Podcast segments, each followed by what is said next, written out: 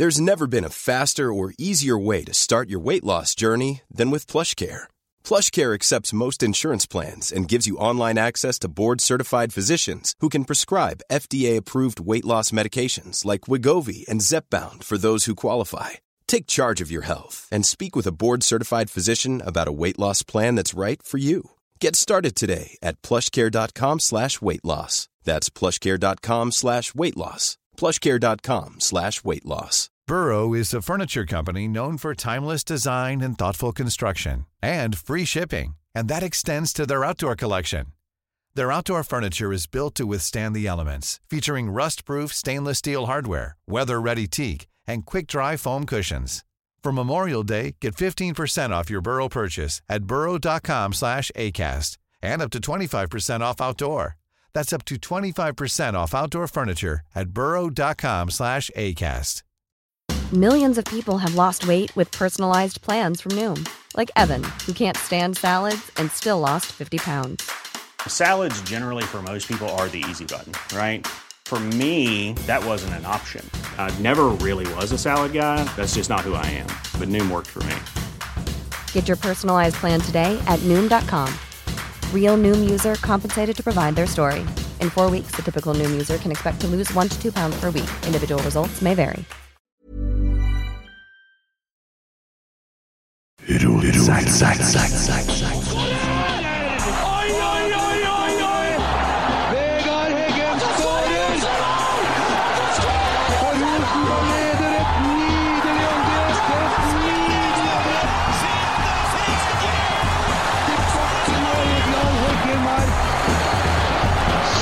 synet! Se det vakre synet!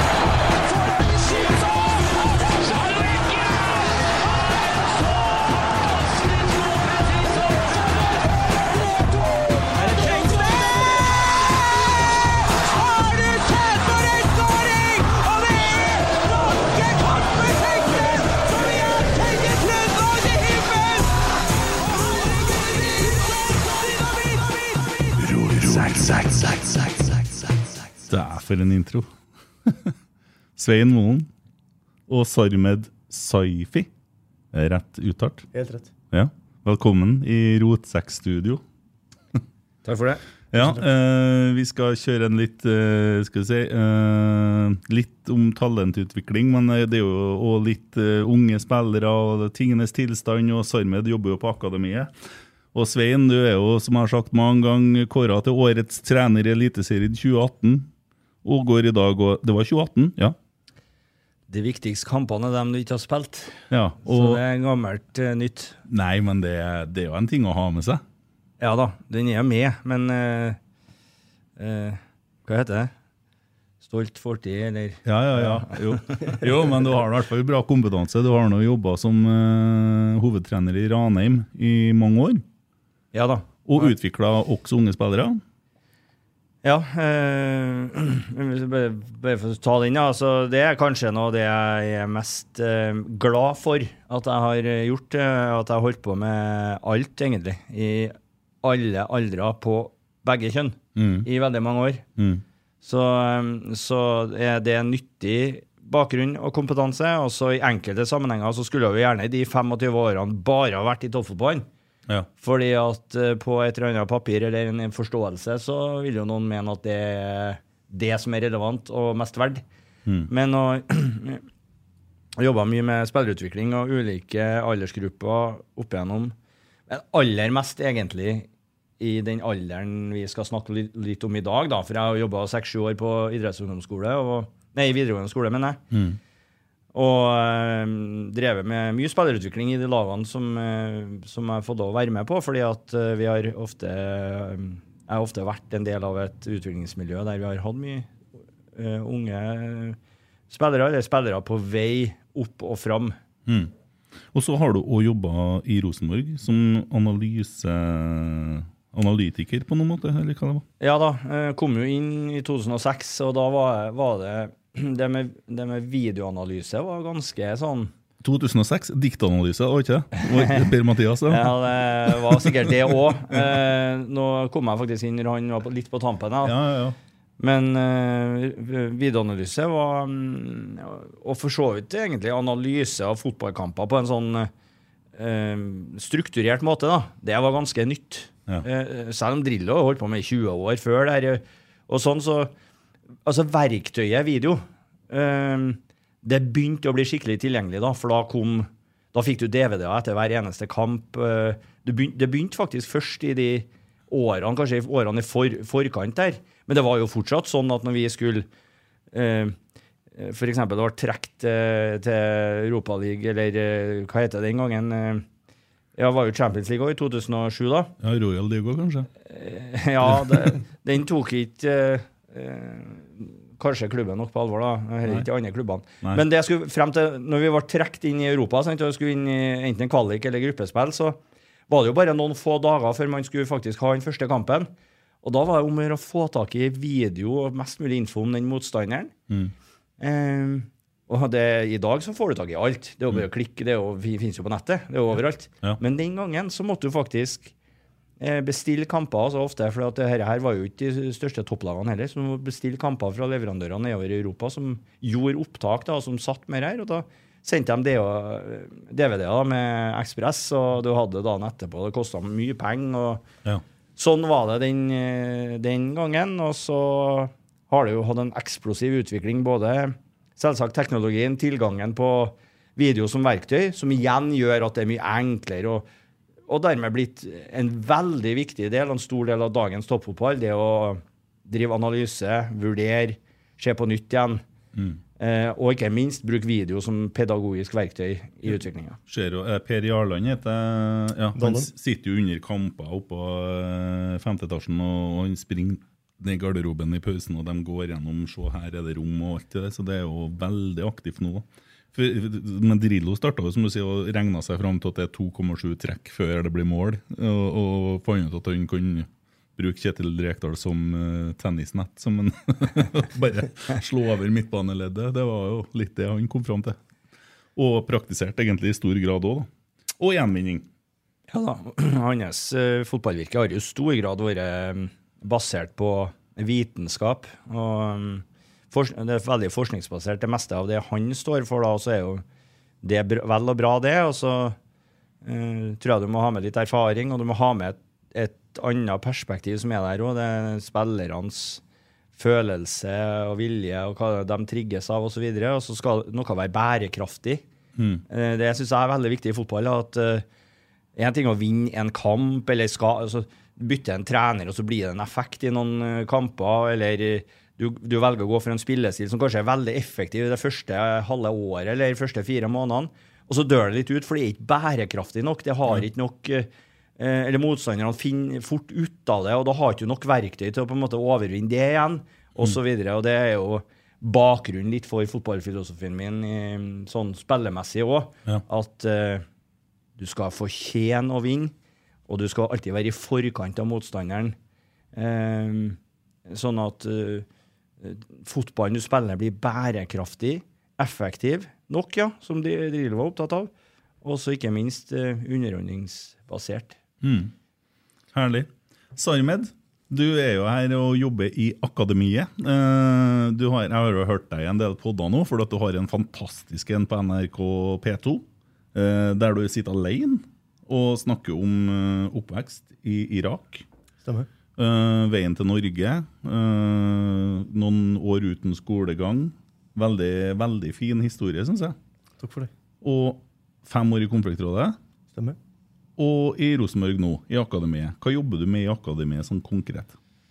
Nei, det er egentlig ganske mye. Som spillerutvikler så er du borti alt, egentlig. Du er med på å påvirke treningshverdagen. Altså det beste spillerutviklingen skjer på feltet.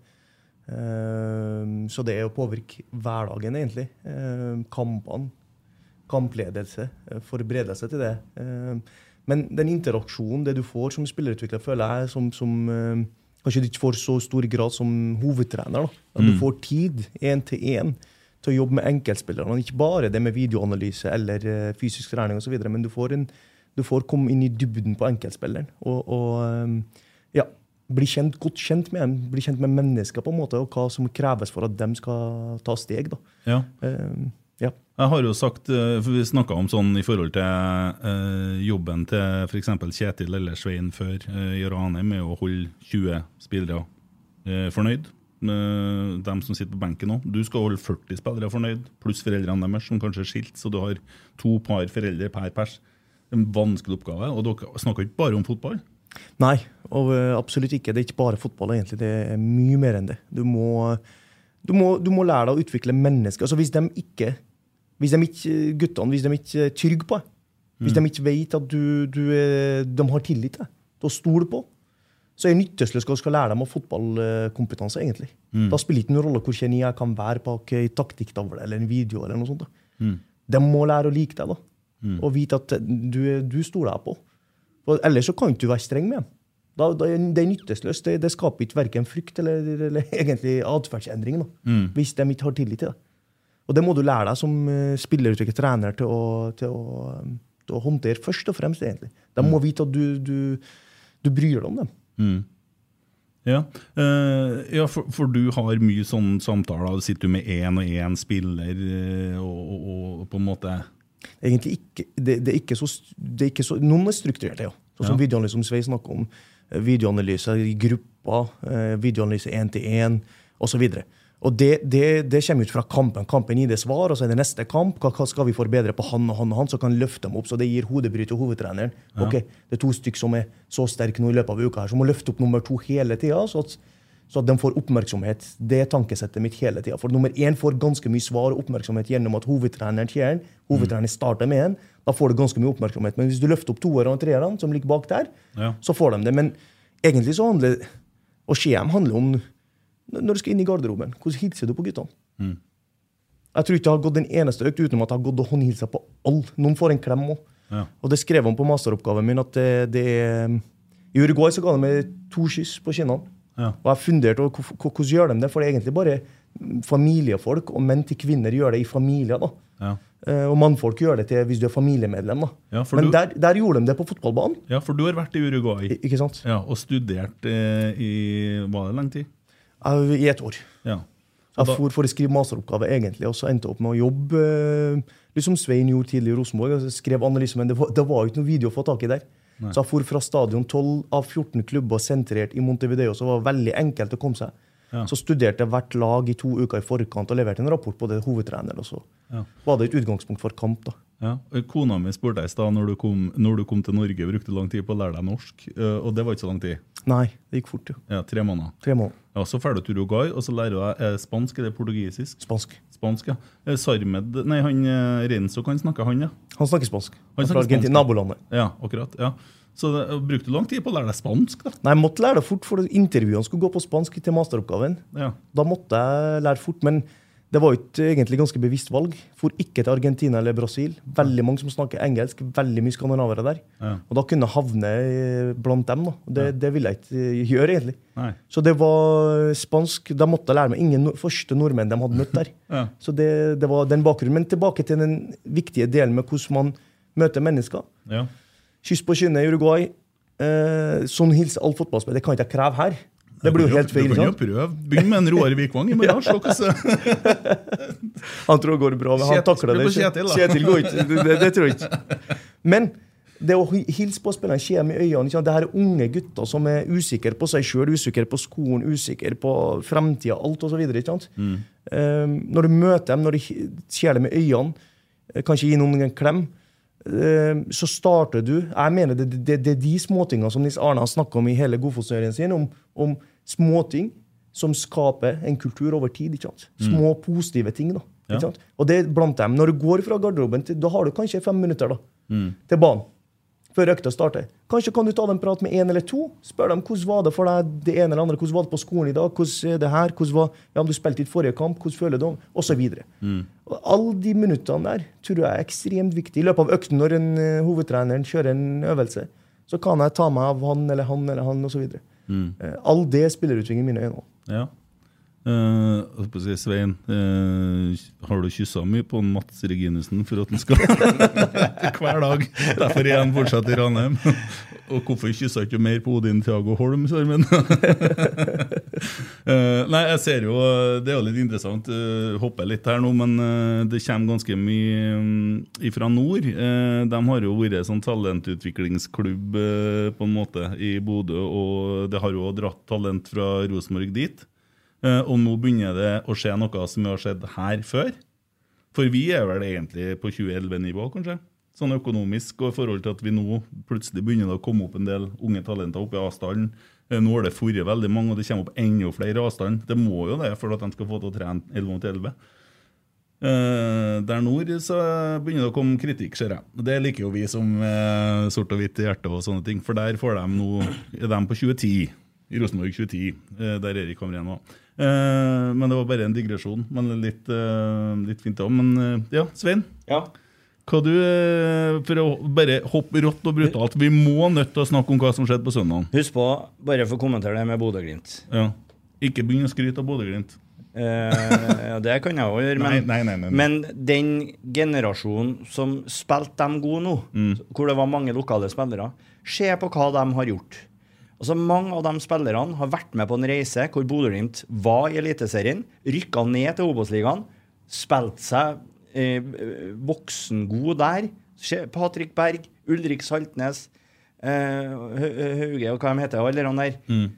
Eh, spilte Obos-liga for Bodø-Glimt eh, to eller tre sesonger, tror jeg, før de rykka opp. Har masse toppfotballkamper i ryggen. Er begynt å bli voksen. De er ikke 20-åringer lenger.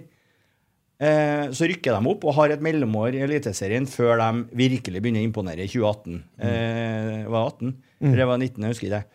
Eh, Så, ja, så de har mange år i voksenfotballen bak seg. Det kommer ikke rett fra et akademi. Der, der. Bare glem det. De har masse voksenfotball i Ja. ryggen, sånn som vi ser i, med veldig mange av uh, spillerne i Eliteserien nå. Ja, men så ser du da at nå begynner de å kjøpe spillere for ganske Ja, dyre de hadde, de hadde, det der var jo en generasjon. Med, Det var ganske jevn alder mellom mange av dere der som var nøkkelspillerne i det laget, som spilte dem opp. Så har de vært veldig flinke etterpå å erstatte dem eh, blant annet, og ja, med andre. Det er en annen del av historien. Ja. De, har gener, altså, de har klart å gjenskape resultatene med å rekruttere godt og utvikle osv. Ja. Uh, Blant annet med en del andre virkemidler også, som vi gjerne kunne ha skrytt av. Mm. Uh, For at det må vi, kunne, vi må jo kunne skryte av spesielt når oppskrifter laga her, da. Ja. Ja, for den er det. Ja. Og da Jeg er helt enig, Svein. og da er det sånn at, um, eh, at Jo, men hvorfor følger ikke Rosenborg den ja, oppskrifta? ja, men de, sant, ja, nå pl plutselig ble arbeidskravet helt annerledes for dem. For at de spillerne som fikk lov å gå den veien i den klubben og utvikle seg, de har ikke et Obos-ligalag der å utvikle seg i nå. Det er topp eliteserielag skal ut og prestere i Europa. Mm. Da må de rekruttere på en helt annen måte, og kravene er der, og da må de kjøpe inn. Ja. Så det, så enkelt er det. Vi krever mer. Men da, hva som skjer da med de unge spillerne, og det, det, det er jo ingen egne utvikla spillere nesten som spiller på det laget nå. Da må jo dem, altså, du, du får jo den samme dilemmaet som Rosenborg sto i for noen år siden, bare. Hvor vi opplevde litt spillerflukt, da, for at du kommer ikke til her likevel, for vi kjøper dyre spillere, og det er trangt om plassen. Nå er det jo mye bedre plass i Rosenborg enn hva det var for bare noen få år siden. Mm. Og det er jo fordi at kontoen er tom. Ja da, det, det er helt åpenbart at det er en sammenheng, det. Tilbudet Tilbud og etterspørsel, har jeg sagt. Altså, de har, her er det muligheter til å få plass. Her er det muligheter til å få spilletid. Og, og dermed så blir andelen egenutvikla spillere som får Jeg syns det er veldig viktig også, når vi skal snakke om eh, hvor god man er på utviklingsarbeid, og hvor mange som får muligheten, og sånt, så er det mest avgjørende om de spiller kamper for A-laget. Om hvor mange som får plass til å være med ved A-trening og sånn. Det, det har litt med eh, troppens behov eh, Hvordan tenker treneren? Er han opptatt av å ha mye 11 mot 11? Er han ikke så opptatt av det? Mm. En trener som ikke er så opptatt av det Ok, vi spiller med A-spillerne for å ha høyest mulig kvalitet. Ja, da blir det ikke mange juniorspillere på ei A-økt. Er en så opptatt av å være 11 mot 11? Har ikke noe å si at kvaliteten går litt ned. Da blir det mange som får muligheten. Fortsatt ikke noe forskjell i, i hvordan utviklingsarbeidet har vært. Det er A-trenerens inngang her. Men, men evnen til å slippe til spilletid i Eliteserien, det må det måles på. Og det har um, vært brukbart nå. Ja, jeg syns jo det. Vi, du så en sånn tabbe der for noen dager siden. Jeg tror det var i VG. Der ligger vi på nummer fire i uh, spilletid for unge uh, egenutvikla. Og det er jo veldig bra. Er det unge egenutvikla, eller er det egenutvikla? Uh, ja, Henriksen er jo egenutvikla òg. Jo, jo. Det, jeg tror det gikk på alder òg, da. Uh, Ja. Men vi, vi, du ser jo snittalderen på klubben nå. Det er jo, så det er jo en Per Siljan som ødelegger det regnestykket ellers, og en eh, Markus. og Ole og André Hansen. Resten er jo pur ung. Og hvis jeg ikke tar feil, så var det når du nevnte Per Siljan nå, så fra Fredrik Vinsnes, da, som er 77-modell, tror jeg, og til Per Siljan eller, Og kanskje vi skal ta Tetti, da. Som som- Tetti var jo 86-modell, han. Per Siljan 87-modell. Mellom der så er det nesten ikke trøndere som gikk veien gjennom Rosenborg-systemet og ble gode nok for A-laget til Rosenborg. Det er ti år, det. Mellom der. Og så tror jeg Og det eh, handler helt åpenbart om først og fremst at arbeidskravet var veldig høyt på A-laget til Rosenborg. For det var et lag som skulle kvalifisere seg inn i Europa. Og da, det, det er et høyt arbeidskrav. Det, det, du slipper ikke inn på medisinstudiet her heller med ferdig ungdomsskolegrad. Det går ikke an. Nei. Men, Det er en god sammenheng Svein, mellom det du, det du sier her, når, du, når Bodø-Glimt har kommet seg til det nivået der. med At det, de skal inn i Europa. De skal vinne serien. Det er kravet deres. Det er helt noe annet å slippe unge talenter til. Når det er der versus når du er sier det svart-hvitt at det må være sånn, men det er en stor sammenheng. Altså, når Rosenborg slapp til den forrige kullet med Ole Selnes og Fredrik Mykje og, og, og Jonas Svensson osv. Husk når det var den tida der. Ja, det var sist det var blakk. Ikke sant? Det, det var 2011. Så det, det er en sammenheng mellom når eh, og så videre. Ja, men, eh, men jeg, for at eh, Vi snakka litt om kronologisk nå. For nå tok jeg en dra tilbake til 77-modellene og over- helt opp til 87, øh, der hvor det begynte å komme noen igjen. Så kom jo Andreas Norvik på samme, og jeg husker ikke helt hvem flere. Ja. Men, men det som også, for det var jo fortsatt sånn at når de debuterte, så var jo fortsatt Rosenborg et eh, nummer én-lag i Norge og skulle ut i Europa, eller var ute i Europa hvert år, sant, ja? sånn stort sett. Men det, det som hadde skjedd da, tror jeg, eller mener jeg helt kvalifisert, da, at Rosenborg over tid hadde, um, hadde bygd opp et utdanningssystem, et utviklingssystem, som begynte å bli veldig bra. Man var best i landet på utvikling av egne spillere med det som ble gjort i Det het jo, jo ikke Akademiet den gangen, men i ungdomsavdelinga i Rosenborg. Eh, hvor, et, um, hvor annet med å bygge opp et samarbeid mellom skole og klubb over lang tid, som var veldig gjennomarbeida og eh, forut for sin tid, profesjonell, som tok vare på mennesket. Og ikke minst så hadde man begynt å satse skikkelig på spillerutvikling i egen klubb, og den linken det har opp mot A-lag. Ikke bare et eller annet rundt et underlag, men den linken der. Ja. Og da kommer disse spillerne opp som et produkt av det. Og blant annet så hadde de jo veldig mye satsing på den, den jobben som du, Sarmed, beskrev i stad. Det må være tett på spillerne. Og, og, og bygge en relasjon med dem og forstå dem i hele hverdagen deres. Ja. Det kan skrives under på at flere av dere der i en generasjon der hadde. Og da kom det en periode på eh, Nå bare tar jeg litt fra lufta, for jeg husker ikke helt, men la oss si en seks, sju, åtte år, kanskje ti år, hvis du drar den helt til 98-årgangen, så er det ganske mange av de årgangene mellom åt- 87 og, eh, og 97-8, da. En elleveårsperiode hvor det er ganske mange spillere som har kommet opp og frem. Enten blitt direkte gode gjennom Rosenborg-systemet, eller har blitt eh, like god da, som en Rosenborg-spiller eh, gjennom en, å gå til en annen klubb. da. Eh, korser meg nesten Aslak Wittry, f.eks. Men Det, det er en del sånne eksempler i de organene der som jeg er helt overbevist om kommer som et resultat av den gode jobben Rosenborg begynte å gjøre med egenutvikling av spillere. Eh, og da sa jeg ingenting om at det ikke har kommet etterpå, eller hvorfor ikke, og sånn, men jeg vet at den perioden, og tror det, så er det et resultat av det. og Rosenborg sjøl skrøt jo av resultatene sine eh, på, med juniorlag og guttelag og NM-vinner og ditten og datten, eh, ofte i den perioden der. Jeg mener at det ikke alene sier om hvor godt utviklingsarbeidet er, men du kan òg se at Rosenborg var resultatmessig nummer én i stor grad gjennom de, eh, mange av de årene der Ja. på utviklingsarbeidet. Det kan jeg at det er i dag òg, det vet ikke jeg. Nei, det vet jo du litt mer om, Sarmed, hvordan det er i dag. Altså, det er jo kanskje ikke lett for deg å sammenligne med hvordan det var f.eks. for eksempel Jeg, jeg ser det jo ganske enkelt, sant? for at jeg sitter jo på den stolen jeg gjør. og det var liksom 2010, Hamren brukte opp alle pengene. 2011, vi begynte å hente opp, hente opp eh, juniorer, så var det et bra kull. Altså, så enkelt, tenker jeg. Men du sitter jo midt oppi det der. Og, og, og ja, ser det sånn som du gjør i dag. Du var jo der i fjor òg. Og, og da òg vil jeg tro det var en tyngre periode med nedrykket, mye tap, mye kritikk. Det var voldsomt mye oppmerksomhet på resultat, plutselig. Eh, til akademiet, som jeg forstår deg nå, så er ikke det nødvendigvis så viktig med det resultattingen. Ja, eh, du blir ikke Altså, beste formen for spiller Det er jo Nils Theo, tror jeg. Beste formen for spillerutvikling, det er faktisk å vinne fotballkamper. Ja, da var Det- det å da var det ikke noe heldig med RBK2 i fjor, da. det å mestre, det å prestere Men Det har ikke noe å si om du taper en kamp eller blir nummer tre. Men når du taper altfor mye, så tror jeg ikke det gir sånn veldig god utvikling. I hvert fall ikke sånn uten videre. Men det er selvsagt noe du kan bygge på senere. Men, det, men det jeg syns som må nyansere det der, der og det vet jeg mye om, for at jeg kjenner jo trøndersk fotball godt. og vært ute der, og, det at, og jeg kan si det. For jeg sitter ikke med en rolle. Jeg har ikke, jeg har ikke en Og det er at juniorlaget og resultatene til akademiet til Rosenborg Resultatet både i, i kamper og hvordan andrelaget gjør det, og hvordan man gjør det i junior-NM og sånn. Jeg vil være, alltid være et produkt av trøndersk fotball i sum. Ja. For det, det handler om hvor mange gode spillere er det trøndersk fotball i sum klarer å utvikle fram gjennom det gode arbeidet som gjøres ut i klubbene.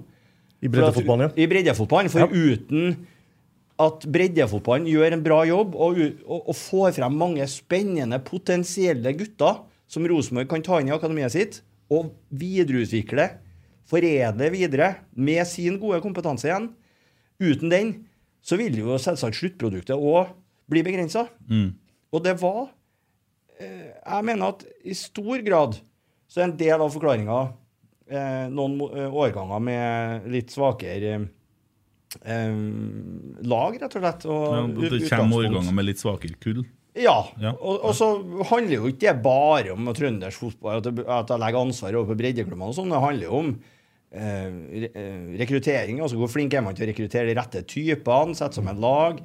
Eh, Hvor, hvor flink har, har man vært til å utvikle det, pot det potensialet som fortsatt var der i de guttene som var der? Det kan alltid stilles spørsmål om det, og helt sikkert settes eh, en rød Hva heter det, Lærerne En liten rød sånn spørsmålstegn er minus på noe av det.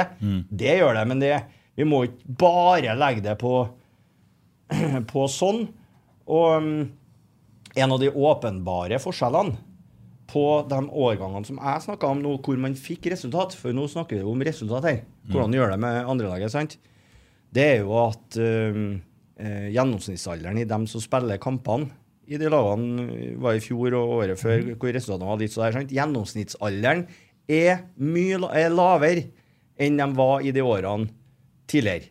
Og det kommer som et produkt igjen av en strategisk endring som Rosenborg har gjort. Ja, At overårige ikke fikk lov til å den- Ja, ja, både det og kanskje at man bevarer eh, i treningsgruppa junior, da, eller eh, U23, eller hva kaller jeg den treningsgruppa nå? Eh, Juniorgruppe, er det? Gutte 19? U19, ja. Ja. U19.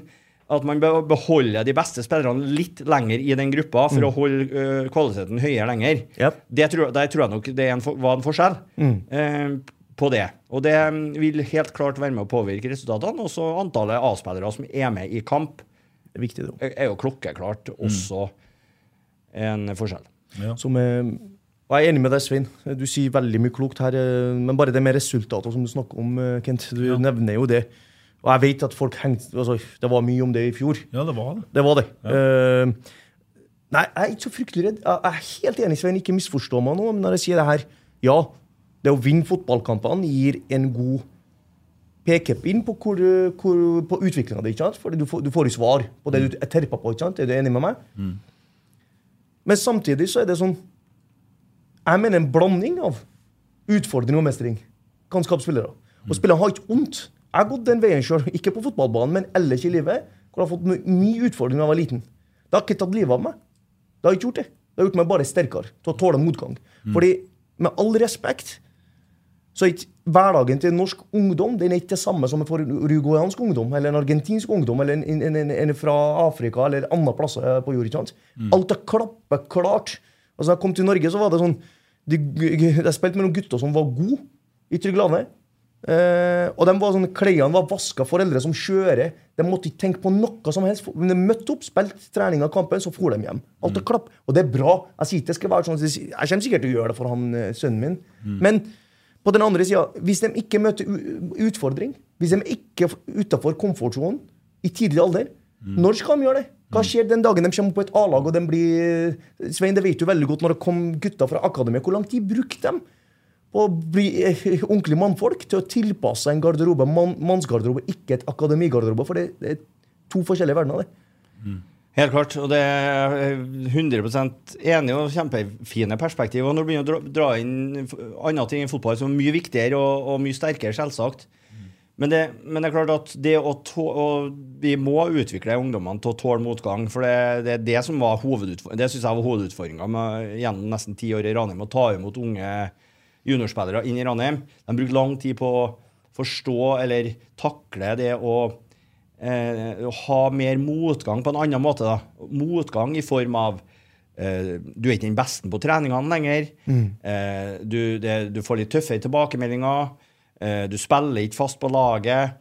Eh, det, det, det oppleves mye vondere og hardere og røffere. Og det å tape en kamp, f.eks. stemninga i en garderobe, det, det skal gjøre litt vondt, og det er litt vondt, og det er litt ubehagelig. Eh, alle de tingene er jo motgang. Mm -hmm. Og da, men da forutsetter jo, hvis du skal lære av den motgangen, da, så forutsetter det at du innser at den motgangen må jeg gjøre noe med sjøl. Det er ikke andre sin feil, det er ikke treneren eller han, øh, der eller medspilleren som gjorde at jeg ikke fikk det til, eller gjør at jeg ikke spiller. Jeg må gjøre noe med det sjøl. Og det er det mange i dag, i dag som strever med å bruke lang tid på å fatte. Ja, har- og det, det, det det her er jo et samfunnsproblem. Ja, for det Ja, har kanskje blitt derfor- nå enn før? sant? Ja, men det kan, derfor vi kan ikke vi kan ikke bruke det kullargumentet. så Det er bra kull og dårlig kull. Ja, det, det er mye av forklaringa på hvorfor vi lykkes og ikke. Hvorfor RBK2 gjorde det så dårlig i fjor osv. Mm. Uh, det, det, det er ikke alene en, en, en hovedargument for det. ikke sant? Nei. Som Svein sier, at hver og en må gå i seg sjøl. Så, så tror jeg personlig jeg tror at vi grubler mye mer. Jeg grubler i tre dager, fire dager etterpå. Det vet jeg. Jeg har hørt på episoden etter søndagen. Hvor lenge du grubler i den episoden og sikkert brukt to-tre dager på å tenke hvorfor vi tapte. Når man taper en fotballkamp, Ja. du leter etter svar i mange dager, du. Jeg, jeg, jeg sitter på video. sønnen. Ikke sant? Eller når du vinner. Når du vinner, så har du den rusen med at du vinner fotballkamp, og så går du fort videre. Du går fort videre, du får noen svar. Men når du taper fotballkamper jeg, jeg tror ikke de har vondt av det, men jeg er helt enig, man skal ikke tape en hel sesong osv. Men, men eh, jeg tror en kombinasjon av det er sunt for ungdommer. Ja. Hva som skjedde egentlig mot Haugesund, ja, for å ta det? Hva, hva, hva er årsaken til at Rosenborg fremstår som det vi gjør imot Viking, og så kommer vi mot Haugesund, og så ser vi ut som vi gjør da? Så ut kampen, jeg hørte den på radio. Ja. Så uh, Kanskje ikke den beste til å svare på. Svein, så du? Ja, jeg så kampen. eh, litt forstyrrelser rundt meg, men jeg så kampen, og det, vi, vi, altså, Forklaringa på den kampen her er jo kan du bruke den samme forklaringa på mange av kampene i år hvor det har svingt. ikke sant? Og Plutselig en nedtur etter en opptur og, øh, og den biten her. og Jeg, jeg beskriver jo en del av det her i Adresseavisa i, i dag. Um, det glemte å si at jeg jobber for Adresseavisa. Ja, det glemte jeg. å Ja, si. Ja, jeg glemte Beklager det. det må, Ja, Du jobber som fotballekspert i Adressa. ja, eller i hvert fall hjelper til å mene et eller annet. da. Ja, ja. Men det jeg skulle si, er at uh, vi har um, Altså, det med bortebane har også resultatmessig, statistisk, viser jo det at det er mare for Rosenborg nå. Og det ser vi sånn Det ser alle egentlig at bortebane Så laget fremstår litt svakere på bortebane enn hjemme. Mm. ja, men tre kamper nå, så har vi leda på bortebane, og så tapt. Ja. Uh, for eksempel Molde i Haugesund. Skårer, leder 1-0, låser kampen. Spiller eh, dritfotball etterpå. Så gris, eh, nei, kan kalle det ræva-fotball. kalte Nils Arne. Eh, vi leder 1-0, og så får vi en imot, og så blir vi ja. Er det, er det rett og slett eh, at man blir litt uh, ung? Litt uh, Ja, det er en av forklaringene, syns jeg. Det er at mm, det er, det er på en måte en fasit på det. da, Det bør se på gjennomsnittsalderen til det, det laget, og hva de har gjort, og hvor mange som har erfaring, og hvor mange år har de spilt toppfotball og alt det der. Så er det et ganske urutinert eh, Rosenborg-lag som sendes på banen hver gang nå. Og det, det, er, det er fakta. Og det, ikke, det, må ikke liksom settes seg liktegn mellom at ja, det er flott. Det er flott at det er et utviklingslag og sånn. Det er ikke noe selvfølge. Sant? Ja, det er et ungt lag. Ja, potensialet, ja.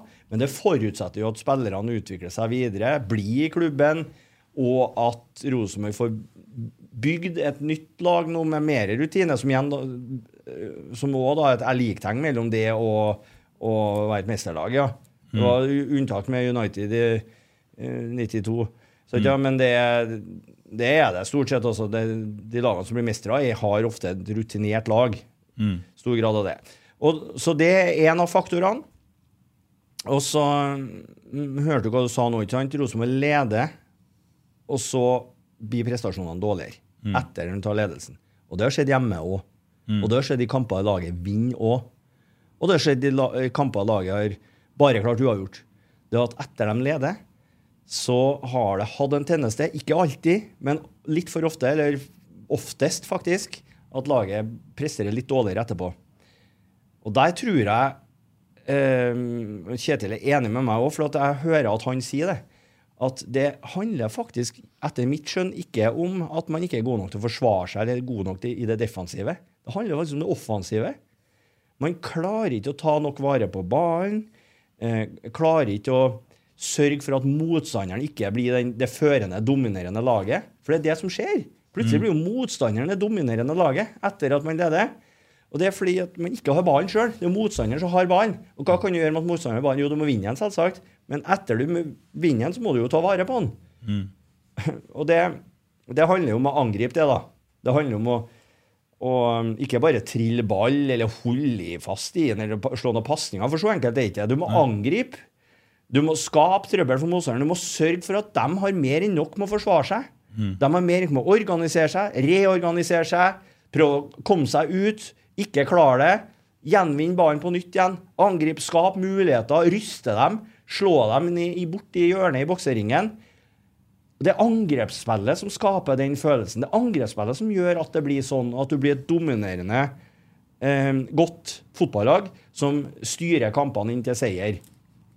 Og Derfor så um, handler mye av det om det. Og det, eh, grunnen til det er at eh, det Rosenborg-laget her ikke er god nok, dyktig nok i det, i det strukturerte eller kollektive angrepsspillet, som jeg kaller det. Mm. Spesielt mot etablert forsvar. For det kollektive angrepsspillet mot ubalanse, det er relativt bra. Altså Det er ganske bra kontringslag her. Det går fort fremover. Kjempefarlig hvis man kommer seg frem med å holde seg på kanten eller satt Sæter rettvendt opp, eller Tengseth å løpe inn i bakrom når det er mye rom, for eksempel bare. sant? Men eh, i det, det kollektive angrepsspillet mot et lag balanse, eller hvor de er begynt på, på vei til å komme seg bak ballen, når du skal må spille mot elleve mann som er på plass det, det, det er et annet begrep for balanse. Du må spille mot elleve mann som er på plass.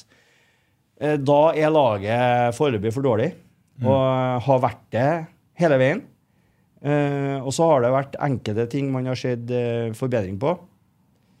Og det var et langt svar, men jeg mener Jo, jo. at det korte svaret svaret angrepsspillet er for dårlig. Ja. Det er korte svaret. Ja, det er det korte svaret. Eh, og samtidig så ser man, eh, mener jeg, da, en eh, sekser som eh, eh, så, eh, Det går jo direkte på personene, men jeg mener jo at Tobias Børke fungerer veldig godt som sittende midtbane. Og at når han ikke da spiller, og vi får nå Olav Skarsheim og er jo ikke noe typisk eh, sånn spiller, og da samtidig har Mike, nei, han eh, Viktor Jensen òg hatt litt utfordringer når vi spiller mot litt solide lag. Vi blir litt light på midtbanen. Og det jeg nå bringer meg over til Ja, ja, ja, for det vil jeg bare kanskje ta med som et tredje punkt, og det glemte jeg litt når jeg tok den i, i adressa. Men, men det er klart at eh, Rosenborg har et litt duellveikt lag, spesielt på midtbanen. Ja. Så når, og det syns jeg er et godt eksempel er Ålesund her på Lerkendal. Som eh, Hva endte det? ble uavgjort? Vi vant 2-1. Det var 2-1, ja, men det var, Ja, På håret. det var på håret, det, ja. Ja. Ålesund var bra. Ja, han var det. For at, og det var- handla i stor grad, mener jeg, om at de vant duellkrigen på midten. Det var større gutter. De begynte å spille fotball hvor de løfta ballen opp i lufta, satsa mer på andreballet i midtbaneleddet, f.eks. Ja. Og det er en fotball som også Haugesund spiller, selvsagt. Hele tida. Ja. Og da eh, krever det litt eh, eh, Som jeg sier, du må være god med ballen fra knærne og opp. Det går ikke an å bare være god når ballen er nede på bakken. Nei. Du må kunne håndtere ballen i lufta. Komme deg først på den. Du må spille en litt annen, mer direkte fotball noen gang. Med det som mener at Du kan ikke liksom forvente å ta ned og bruke seks touch, og så kan du begynne å gjøre Det Det skjedde òg mot Tromsø. At duellspillet ja. du nevner nå her, Ja. Men igjen Ja. det, og det bringer meg litt over til akademia òg. For det som man ser nå, kunstgresspillere, altså type eh, litt kort, eh, lavt tyngdepunkt, eh, Broholm, Nypan, eh, ja, you name it. Det er mange. Det er veldig mange. Mm.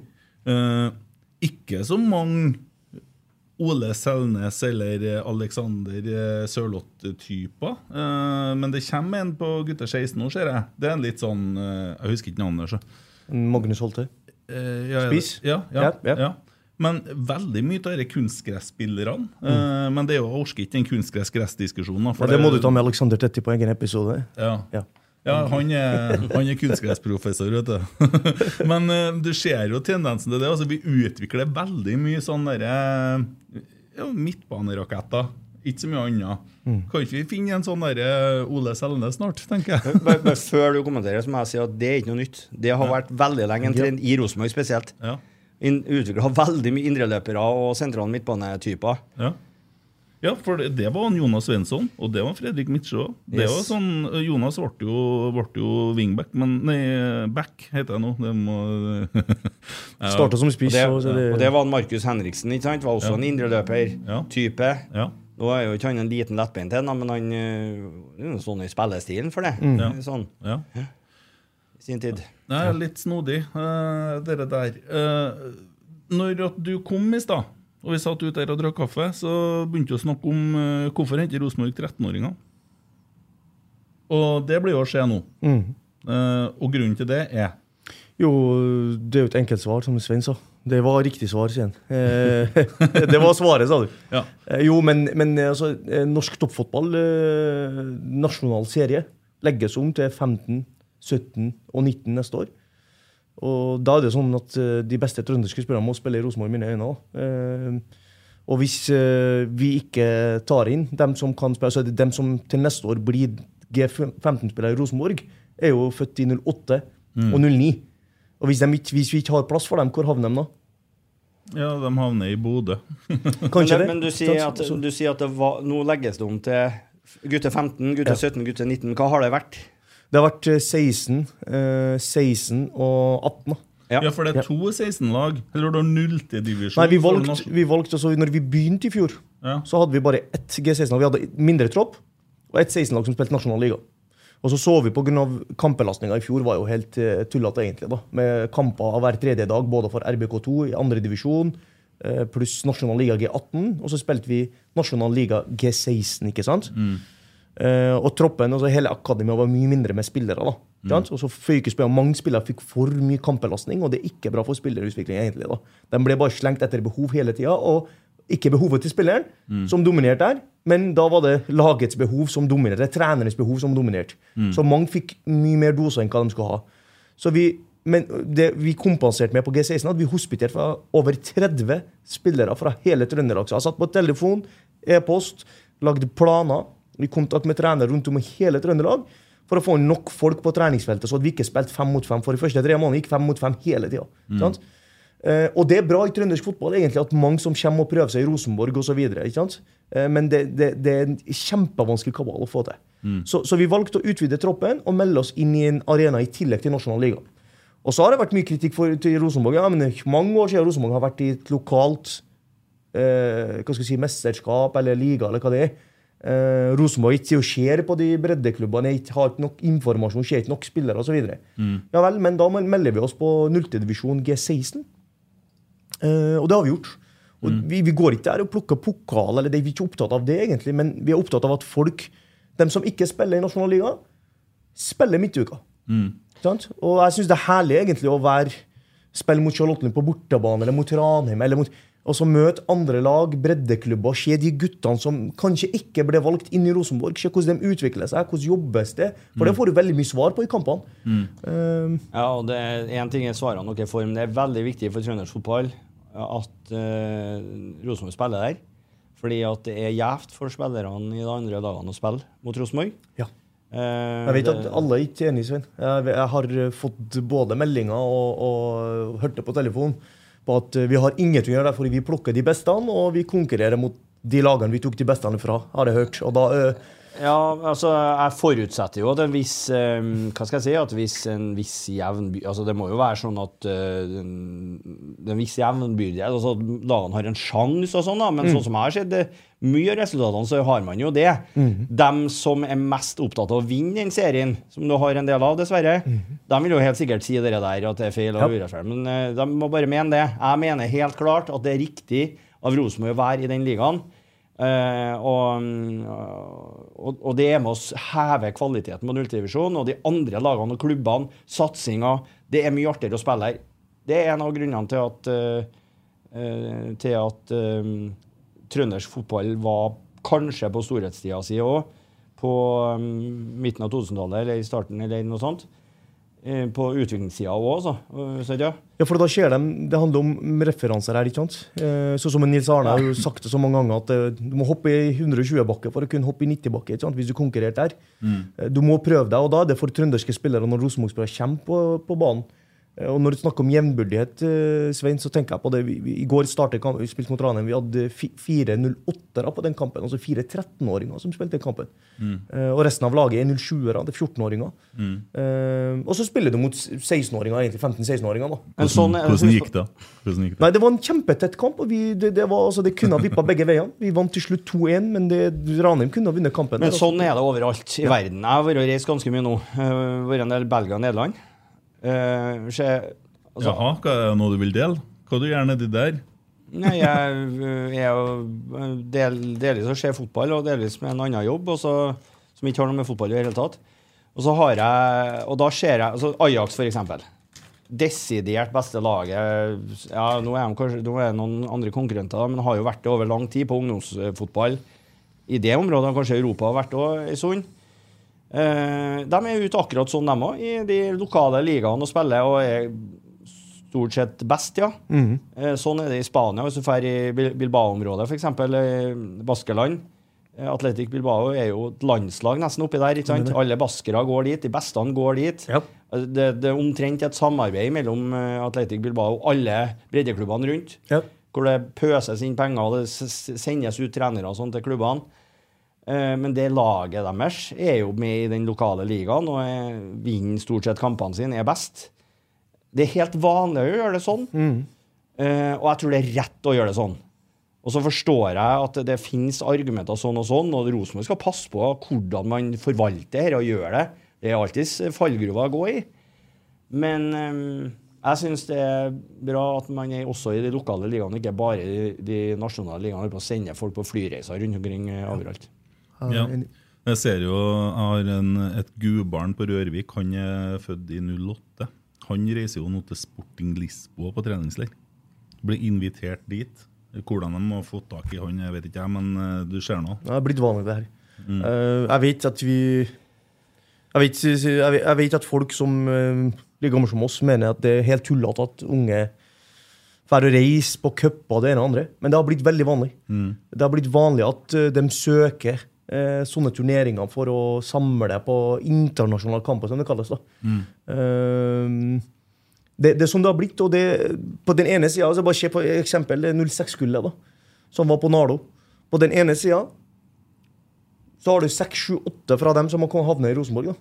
Sant? Eh, på den andre sida kan du sitte og si ja, men de, dem samler jo de beste. Og de feide over. altså I, i, i, i kretsfinalen her så vant de 14-1 eller sånt over eh, det andre laget. da. Ja, De gikk vel ennå lenger. De hadde vel noe som kaltes Tigers eller noe sånt. nå, Det stemmer. Uh, når du snakker om sånn uh, spissing, da. Ja, Tydelig spesialisering. Og dem tror jeg vant en kamp 34-0. Det kan godt være. Ja. Det var ikke så lenge siden det var på Adresseavisen en artikkel om en far som er trener på Sverresborg, ikke feil, eller Vestbyen, eller hva det var for noe. Som skrev en, om den verste opplevelsen han har opplevd noen gang for ungene, og de tapte 14-1 og 14-0, eller hva det var for noe. Mot et lag som toppa da på 14 år eller 13 år, eller hva det var for noe. ja. Det kan jeg forstå, men jeg kan forstå det. Men samtidig, tidlig spesielt, altså det, det er foreldre og gutter som søker miljøet for å utvikle seg. Mm. De gjør det nå er de villige til å reise på seg. Mm. gutta er villige fra Orkanger og, og, og Stjørdal og sånn, til, å- til å pendle hver dag for å søke et godt utviklingsmiljø. Ja. Um, og det, det, det gjør jo noe med den utvikla lokale klubbene, de breddeklubbene. Hva må de gjøre for å beholde de beste? Um, kanskje må de begynne å tenke nytt. Kanskje, Kanskje Rosenborg må inn på banen enda Ja, hardere det enn tror noen jeg gang. og vi må huske på å si det òg, ja. Ja. At eh, kanskje må toppklubbene ta, være med å ta et ansvar her. Ja. Sommerkrisen går ikke an å sitte og si at det her må breddeklubbene ordne opp i, for der er Nei. kun frivillighet og foreldre. Absolutt. Stort sett, altså. Så hvis toppen skal bevare bredde hvis, hvis det er viktig, da, hvis det har en sammenheng, så må alle partene være med å ta ansvar. Helt enig. Det går ikke an å si jeg får bredden ordne opp i. Det går ikke. Men samtidig så kan vi ikke bare legge skylda på de foreldrene. Og, for jeg mener mye gjøres rett. For jeg har vært på treningsfeltet med de lagene jeg var med det Tigers-gruppa på Nardo, og så hvordan de trente. Jeg var eh, spillerutvikler for dem i 2019. Eh, eller 2020. Husker ikke helt. Men det jobbes godt. Det jobbes bra. De, de, de, de står på hver eneste dag. Og ja, de fjerner alle konkurrenter i nærmiljøet sitt, så de må søke konkurrenter i utlandet. Derfor får de, får de til Sporting Lisboa eller Danmark eller Midtjylland osv. for å konkurrere. Eh, men samtidig, hva utvikler det miljøet? Hvem kommer ut fra det miljøet her, da? Ja, nei, det er dere som kan det her. Eh, I min verden Jeg vet, ikke, jeg vet ikke hva vi skal frem til nå, men eh, Nei, spissing og altså Tidlig Ja. Ja, ja, altså mm, Det er klart at eh, bredden under toppen, den blir smalere og smalere nå. Det gjør den. Det er, vel, det er altfor få gode utviklingsmiljø, eh, og det kommer til å gå utover toppen. Garantert på, på sikt. Det holder ikke å få til ett eller to kjempegode miljø. På sikt så er du avhengig av flere gode miljø. Flere tuer. Som, eh, vi snakker om flere tuer rundt omkring i Trøndelag som er gode. Som, som driver, og det betyr driv godt, driv fornuftig, lage gode lagsmiljø med sunne verdier og holdninger og, en god kultur, treningskultur. Det vil skape flere spennende, gode spillere. Så vi må komme oss dit at hvordan skaper vi flere sånne tuer? Hvordan lager vi flere av dem? Det må ve veldig mye av dette her handle om. Har, kan Rosenborg gjøre noe der, Men... Absolutt. Ja. Absolutt. Ja. Det står det på veggene våre. Åpenhet, samfunnsengasjement. Ja. Eh, så ja, så absolutt. Vi, vi har jo prøvd siden vi begynte i fjor liksom, eh, å, å gå ut og både holde foredrag, holde treningsforum, det ene og andre, men det kan gjøres i mye større skala. mye jeg mener det burde ha vært dedikerte folk til å gjøre den jobben her. Liksom på, på sikt burde det ha vært en 100 og kanskje 200 stilling. Eh, Og så kan man gå i de klubbene og, de, og, de, og hjelpe dem da, i et spillerutvikling, kanskje trener. Fordi før, I covid-tida så var jeg trenerutvikler på Freidi, breddeklubb. Ehm, og der klarte å samle 50 trenere. Og det som, som Svein sier, det er frivillige, altså det er folk som ikke får betalt for noe som helst, som står på treningsfeltet. Og, og, og gjennom det arbeidet der så, så sto vi 57 trenere på hver trening flere ganger i uka, og så, og så jobber vi med hvordan strukturere økten best mulig. Hvordan får, hvordan, hvordan får vi til en god utviklingsarena for alle sammen? Hvordan skal alle bli skjedd? og få tilbakemelding og utvikle seg, osv. Og, så videre. og det var jo foreldrene med på. Bare at det ble organisert. ikke sant? ja. Um, så jeg mener ja, hvis det kommer fra Rosenborg, da, at man kan gå ut sammen med NFF, da, så, ehm, så tror jeg at da, man kan eh, utvikle noe godt sammen. da. Men jeg tror Og også så jeg, jeg syns vi skal utom fotballen òg, Mm. For, jeg- for meg så er det her eh, samfunnsutvikling og politikk. Fordi at eh, fotballen har en eh, undervurdert rolle i eh, samfunnet. Det er kjempeviktig for mange barn og unge som utvikler seg i, i, eh, i dag, og har bestandig vært sånn. Eh, andre idretter òg, ikke bare fotball, men fotballen er størst. Mm. så har det en veldig Men fotball er et, lag, et lagspill, vet du, en lagidrett. Sant? Ja, du skal skape et lag, og det er det det handler om å skape et samfunn òg. Det er et lag, det. Sånn at Derfor så er lagidrettene i en særklasse på en måte i forhold til rollen. Eh, ikke, nå gjorde ikke jeg noe annet noe uviktig, men fotball er veldig viktig. Eh, og ikke minst med tanke på integrering. Så er fotballen kjempeviktig, og det burde politikerne skjønt mer av. Og, eh, og forstått rollen til fotballen. Og fotballen kan bli enda viktigere. Og idretten generelt da, kan bli enda viktigere gjennom å være enda bedre på bl.a. integreringsarbeid, på det å skape eh, forståelsen av kollektivet og vi-et og jobbe sammen. Forståelsen av eh, ut, altså utvikling utover det skoleverket og det du lærer i familien din osv. Eh, sånn at eh, jeg mener at ansvaret kunne eh, fint ha blitt planta litt der òg. Ja. du Jo, jeg ser jo fra, fra jeg var liten gutt og bodde i Valdresund og spilte på Jøssund Og vi spilte imot Oksvoll og vi spilte imot Lysundet og sånne ting. sant? Og så ble det Jøssenes Oksvoll, så ble Jøssenes Oksvoll Lysesund, og nå er det FK Fosen. Og så, det blir færre og færre og færre, og færre, og det blir jo mindre og mindre og mindre. Åsane fikk en strømregning for august på 1,250 millioner, eh, liksom. Det er, mye, altså, det, det, er mye som regjering og stat og, og, som kan gjøre for å bli med og hjelpe og bidra. Det går litt i motbakke nå, hele samfunnet. Det gjør det, og det, det måtte oss på alvor. Støtte dere begge to på det. for det Alternativet, når dropouten er størst når vi nærmer oss 15-16 år ikke sant? Det, er jo, det er jo det er alltid det sånn det er. I den alderen her så velger mange å slutte å spille ikke sant? håndball og fotball osv. Det har jo vært sånn, men nå er det så mye at det er skremmende. For alle har behov for å tilhøre noe. Et fellesskap.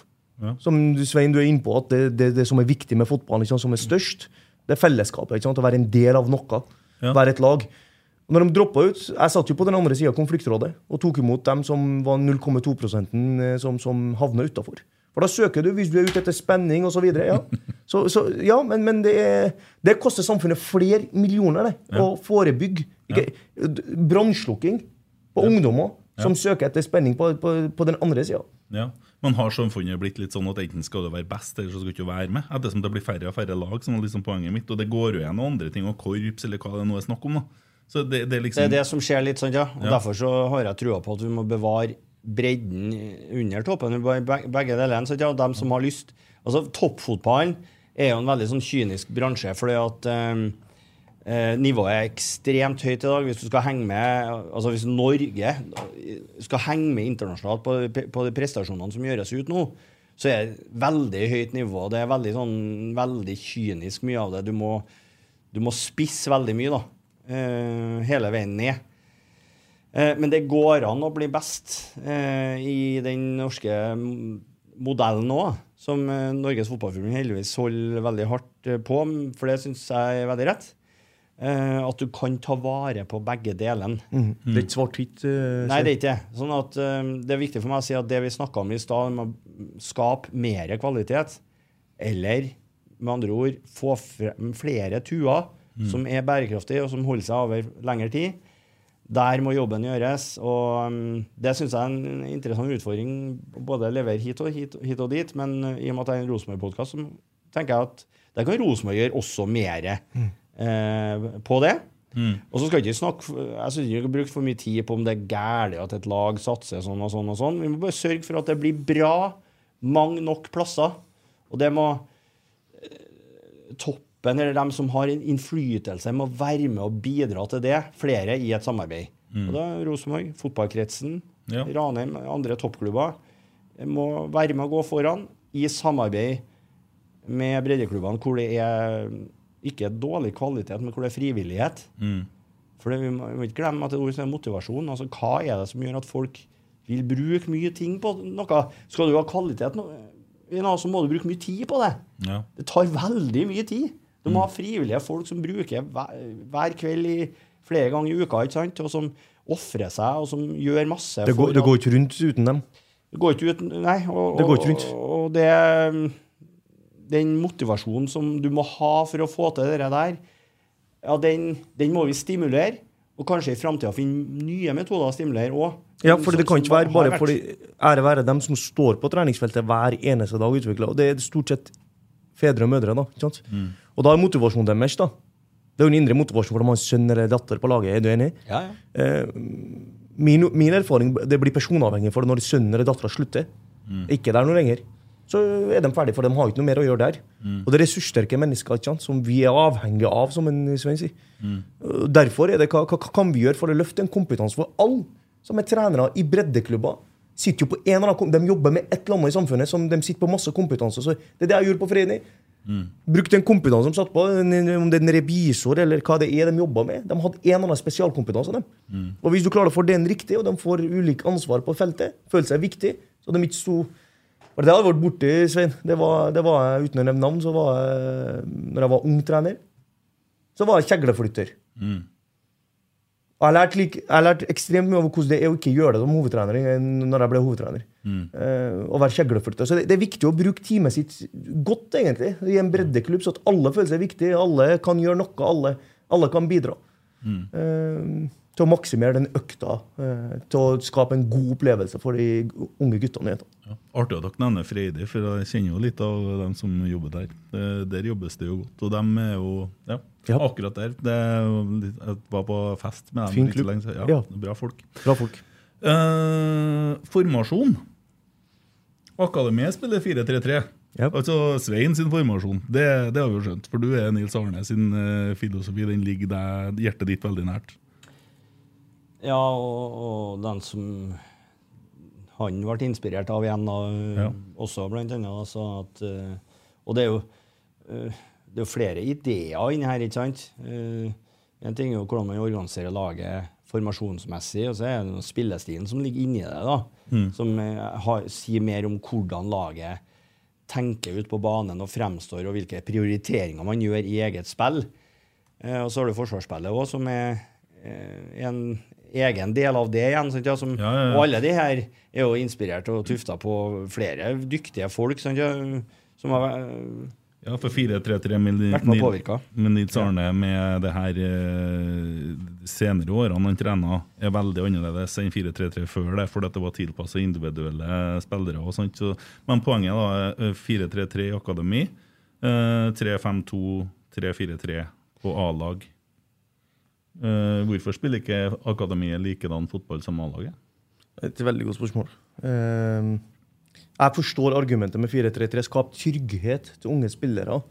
Uh, og se ting som går over tid. Sant? Og terre på noe som du kan utvikle deg i. Um, og så er det spørsmålet du stiller. Ja, men Når de kommer opp til A-laget, hva skjer da? Fordi Det spilles 3-5-2 nå om fem år. Hva spilles?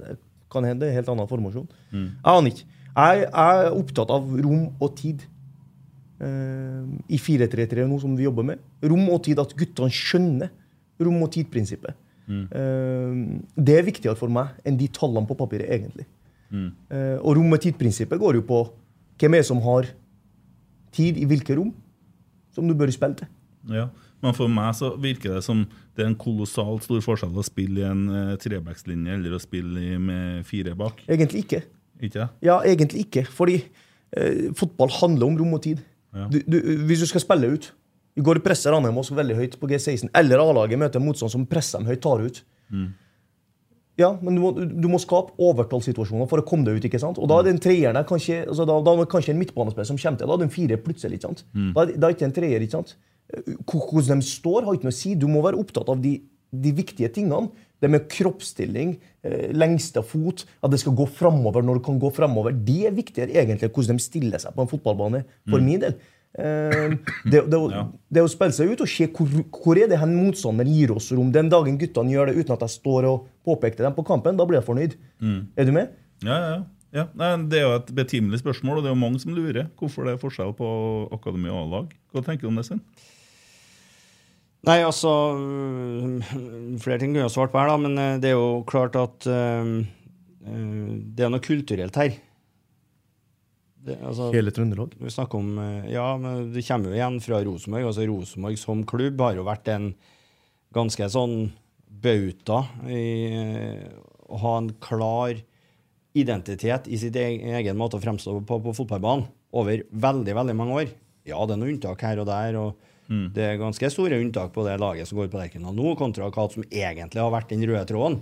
Det er ikke en tvil om. Det går ikke an å si noe annet. Hvis du sier noe annet, så sier du at alt fotball er likt. da. Det er ikke noe forskjell på noe i fotball, sier du da. Uh, så jeg, jeg tenker at uh, det er en kultur for det i klubben. Og nå snakkes det om skal rekruttere ledere her nå som uh, skal forstå hva Rosenborg er, og hva det har vært, og hvilken kultur som skal bæres videre. Ja, det her med spillestilen til Rosenborg, eh, som eh, egentlig er noe eget, da, men hvor formasjon er en viktig del av spillestilen. Det har vært en klar identitet i klubben veldig lenge. Mm. Det er en av de mest identitetssterke klubbene i norsk fotball har vært over tid. Og da har formasjonen vært en del av det. Så der ligger det. Eh, på samme måte som den formasjonen har vært en veldig sterk del av identiteten til Ajax over veldig veldig mange tiår. Eh, så det Jeg vil jo tro at det er tatt et valg, da. For man, man kan liksom ikke bytte Jeg tror heller ikke på det å bytte spillestil eller formasjon på juniorlaget eller akademiet ut fra hvem som er A-trener. Det, det tror jeg egentlig ikke er noe lurt. Jeg tror det, Ja, altså øh, Se på hva som har skjedd de siste ja, det for, årene. men det, for, det forutsetter at det er kontinuitet i hvem som er A-lagstrener. Ja, og det er det jeg skal frem til. For at jeg har jo sittet her og utfordra styret på å begynne å bygge noen rammebetingelser som gjør at når de holder på å lete trenere her nå, så har det de siste gangene skifta så fryktelig i forhold til det som er det i hvert fall tydelige filosofien til treneren. da. Eh, Så, så endrer man spillestil, eller endrer så mye på det kartet at man river opp så mye med rot om å selge eller kvitte seg med spillere og kjøpe nytt, at kontoen blir tom. Sånn at Man må jo begynne å forme noen rammer for hvordan laget skal være. på et slags, eh, altså i, Hvis en Kjetil får videre da, og du henter en ny 4-3-3-trener, nå, så må jo mange av spillerne bort igjen. For da har du ikke noe bruk for wingbacker som får springe tullinger. Da skal du ha backer. Skjønner du? Ja, Rosenborg var ikke wingbacker som springer tullinger. Rosenborg er jo backer som er kjempevant til å spille eh, i fire, firebackslinje. Ja, Og skjønner poenget mitt? også. Ja, jeg skjønner poenget ditt, men det jeg skulle si var at junior, altså, noen må jo Jeg tror at så lenge fakta viser at utskiftninga på hovedtrener har vært så stor som den har vært, da, Mm. Så må bare akademiet bestemme seg for å ha en slags rød tråd. Det tror jeg på. da. Og det, det, det er sikkert det som er gjort, vil jeg tro. Ja. At eh, noen har bestemt at uh, nå går vi for det, for vi kan ikke holde på å bytte hele tida. Etter Fordi- A-lag. fordi- Nei, nei, det er helt rett, men Fordi samtidig de så spillerne som i dag utvikles i akademiet, vil jo ikke være gode nok for å spille på et A-lag på noen år ennå. Det tar tid, det. Ja, skjønner. Og Derfor framstår den viktigheten av å få spillere som forstår spillet fra, først og fremst. ikke sant? En, en, en bare en måte å gjøre det på. Det, det, det må læres, og det kan gjøres i 4-3-3, selv om vi har valgt det. Og, eh, å stå for 4-3-3, så er det jo mange forskjellige måter å spille 4-3-3 på. Sant? Ja, og så er, jo, og så er det klart at uh, Du sa jo også noe annet nå, at ja, man har valgt trenere som plutselig spiller sånn, og plutselig spiller sånn, og plutselig spiller sånn. For meg så er det sånn dyrt. Her er en feil. Ja, du kan jo ikke velge trenere som spiller på en helt annen måte sånn og sånn og sånn i en klubb som Rosenborg, som skal være identitetssterk. Så, så for meg så er det en av de største feilene sånn, ja, som er gjort over lang tid, at det er altfor stor eh, svingning fra det ene til det andre. Men vi- Men hvis klubben har bestemt seg for det nå, å gå i den retningen nå, som, som eh, A-laget spiller nå, ja, da må man jo vurdere, tenker jeg da, om at akademiet også- skal komme etter, Mm. og tenke mer likt eh, den retningen, da, Ja. som er ganske annerledes. Ja, formasjon er én ting, men også på spillestil. Ja, for, Ja, for- jeg kritiserer ikke Kjetil. Jeg kritiserer ikke det som har vært, eller noen sånne ting. Men det er noe med, noe med det grunnleggende her som skjer. Også når du setter opp eh, hvem du ønsker som trener, f.eks. Kjetil Knutsen og Kjetil Rekdal, så, så, så er det to ganske forskjellige eh, personer. Ja, men du, du må Jeg tror at du må huske på det at eh, kult, altså, arven etter Ro Rosenborg og trøndersk fotball er i stor grad kan du dele i to soleklare store suksessfaktorer.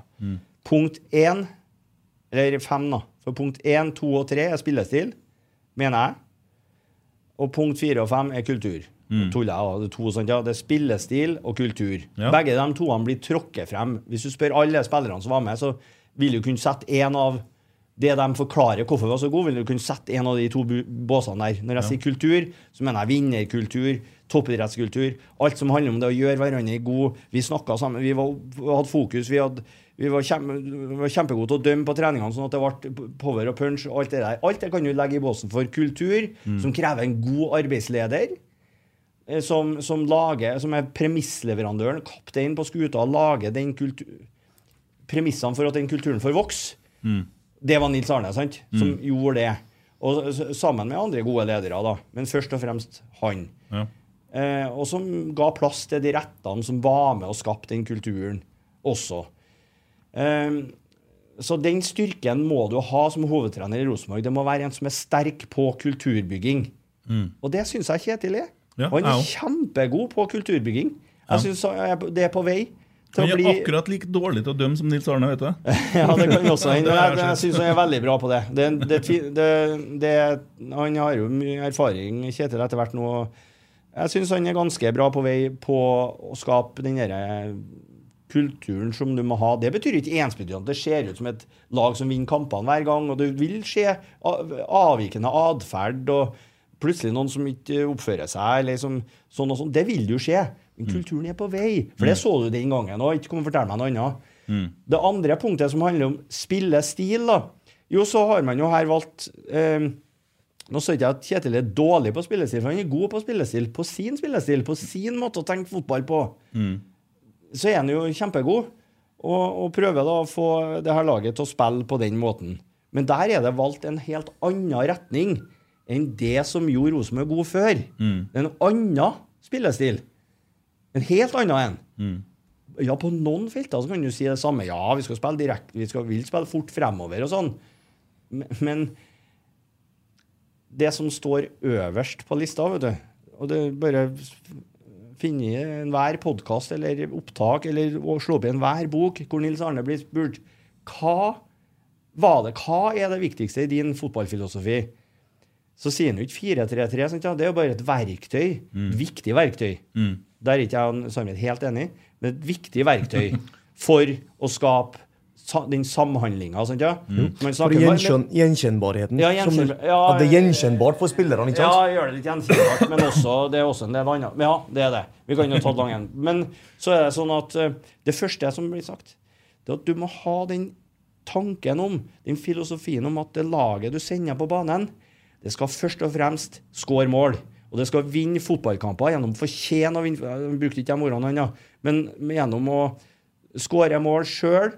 Skape mest mulig av spillet sjøl, er det underforstått. da, ikke sant? Skape angrep som blir mål. Angrepsspill, angrepsspill, angrepsspill. Det er på en måte det første svaret som kommer. Og med en gang du har en trener som først og fremst er opptatt av hvordan spiller motstanderne, vi må bryte ned dem, vi må passe på forsvarsspillet, vi må mure en bak først, eller sånn. OK, da har du en helt annen filosofi. Fullstendig annen filosofi. Det går ikke an å sammenligne det andre under der igjen, fordi det er et avvik. Og så, eh, under det punktet under der igjen, så sier Nils sa jo alltid da at eh, For nå snakker vi om identiteten til Rosenborg. Det er derfor jeg sier si Nils. fordi at eh, han Ja, ja. ja. Eh, at, eh, og det kommer gjennom et uh, utviklinga av et kollektivt angrepsspill og spillemønster, han. Altså et mønster i spillet. Det betyr ikke at bare må gå dit og dit og dit. og dit, Hvis ikke så blir du sendt hjem. Det er ikke sånn. Det er ikke det det betyr. Spillemønster betyr at du har en viss gjenkjennbarhet i angrepsspillet, og ikke minst et bevegelsesmønster som gjør at den som til enhver tid er en ballfører, vet hvor han har medspillerne sine hen, i stor grad. Og at dermed så er det langt færre valg han må velge mellom, den som er ballfører, enn en som bare ja, vi må vurdere hvor motstanderen er, og hvor er det rom hen, og hvor er det sånn og sånn. Han har mange flere valg han må ta hensyn til.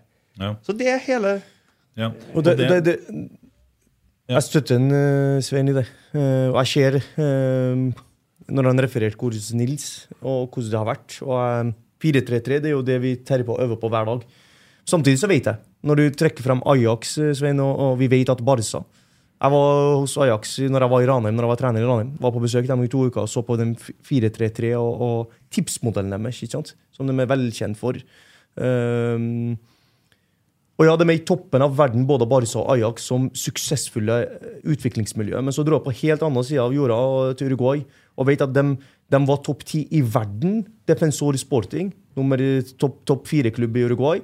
De er i toppen av verden på utvikling av spillere. Og ingen kan si at det ikke er et, ut, et suksessfullt utviklingsmiljø. Mm. Ja. For de produserer verdensstjerner både til aldersbestemt landslag. De var en- enere i Uruguay på det. Enere i Uruguay til å produsere til landslaget, enere i Uruguay til å produsere til Europa. Er du med? Dermed er du et suksessfullt utviklingsmiljø. De låste seg til en formasjon i akademiet. De var mer opptatt av at spillerne må takle forskjellige scenarioer i, i kampene. Ikke pga. motstander, men tid- og romprinsippet. K- Hvor fikk de tid på banen? Og hva må, hvordan takla spillerne? Det var om de så etter spillere som, som i tipsmodellen til Ajax egentlig veldig lik når jeg studerte her og skrev masteroppgaven min. Det står for te teknikk, insight, personality and speed. Speed of thought. Det, det er ikke speed av hvor fort du flytter føttene, men hvor fort oppfatter du situasjoner. Det er de spillerne var opptatt av i Uruguay, som i Ajax òg. Og det er de spillerne vi må prøve å skape her, som forstår spillet. Ikke sant? Som kan spille 4-3-3. Som kan spille av, av og til som må spille 4-2-3-1. En 4-3-3 som er vridd om. Av og til må backene inn på banen. Det gjør jo Kjetil Knutsen med, med Bodø-Glimt. Backene går inn på banen, vingene helt ut. Av og til må vingene inn og backene helt, osv. Mm. Det, må, det må de evne å takle ut fra hvordan mots, altså, motspillet er. For det er et motspill du forholder deg til. Og selvfølgelig, du må gjenta det her gjenkjennbarhet som Svein snakker om. Den er ekstremt viktig. At de skjønner at det er valg. Jeg kan lukke øynene og spille der, for jeg vet at han kommer, han kommer. Det må du trene på. Ja. There's never been a faster or easier way to start your weight loss journey than with PlushCare. PlushCare accepts most insurance plans and gives you online access to board-certified physicians who can prescribe FDA-approved weight loss medications like Wigovi and Zepbound for those who qualify. Take charge of your health and speak with a board-certified physician about a weight loss plan that's right for you. Get started today at plushcare.com slash weight loss. That's plushcare.com slash weight loss. plushcare.com slash weight loss. Everyone knows therapy is great for solving problems, but getting therapy has its own problems too, like finding the right therapist, fitting into their schedule, and of course, the cost. Well, BetterHelp can solve those problems. It's totally online and built around your schedule. It's surprisingly affordable too. Connect with a credentialed therapist by phone, video, or online chat, all from the comfort of your home. Visit betterhelp.com to learn more and save 10% on your first month. That's BetterHelp, H E L P. Hey Dave, Yeah, Randy. since we founded Bombus, we've always said our socks, underwear, and t shirts are super soft. Any new ideas? Maybe sublimely soft. Or disgustingly cozy? Wait, what? I got it, Bombus. Absurdly comfortable essentials for yourself And for those facing homelessness. because one purchased equals one donated. Wow, did we just write an ad? Yes. Bombas. Big comfort for everyone. Go to bombas.com slash ACAST and use code ACAST for 20% off your first purchase. Uh, når du tok over Ranheim etter han eh, Det var han nordlendingen, sant? Uh, Det var jo oss Bjørkan Nei, før det. Nei da. Uh, tok over Ranheim. Altså, når jeg du var hjelpetreneren til en Bjørkan? Nei da. Trond Nordstein. Trond var det, ja. Ja. Trond tok over etterpå. Ja, sånn var det. Sånn var Da var jeg i Ranheim den tida der. Ja. Hvor lang tid bruker du på å bygge de relasjonene og den samhandlinga som du snakka om i stad? Eh, hvor lang tid tror du Rosenborg trenger på å få til det som du beskrev i stad? Nå snakker ikke jeg om Eh, formasjon, nå snakker jeg om relasjoner. Ja, punkt én, da. Eh, jeg tror ikke at det er én fasit på hvordan du får frem gode spillere eller gode lag i verden. Det er mange måter å gjøre det på som Ja. blir bra. Men jeg tror på det å skape en identitet som du har over tid. Det er suksessfaktor. Det er jeg helt overbevist om. Og den må ligge i klubben, på en måte. Uh, det tror jeg på. Det fins også klubber som vingler veldig på identitet, og som gjør det bra i, i perioder. Men de har en annen identitet, og det er penger. De har ofte penger som ligger bak.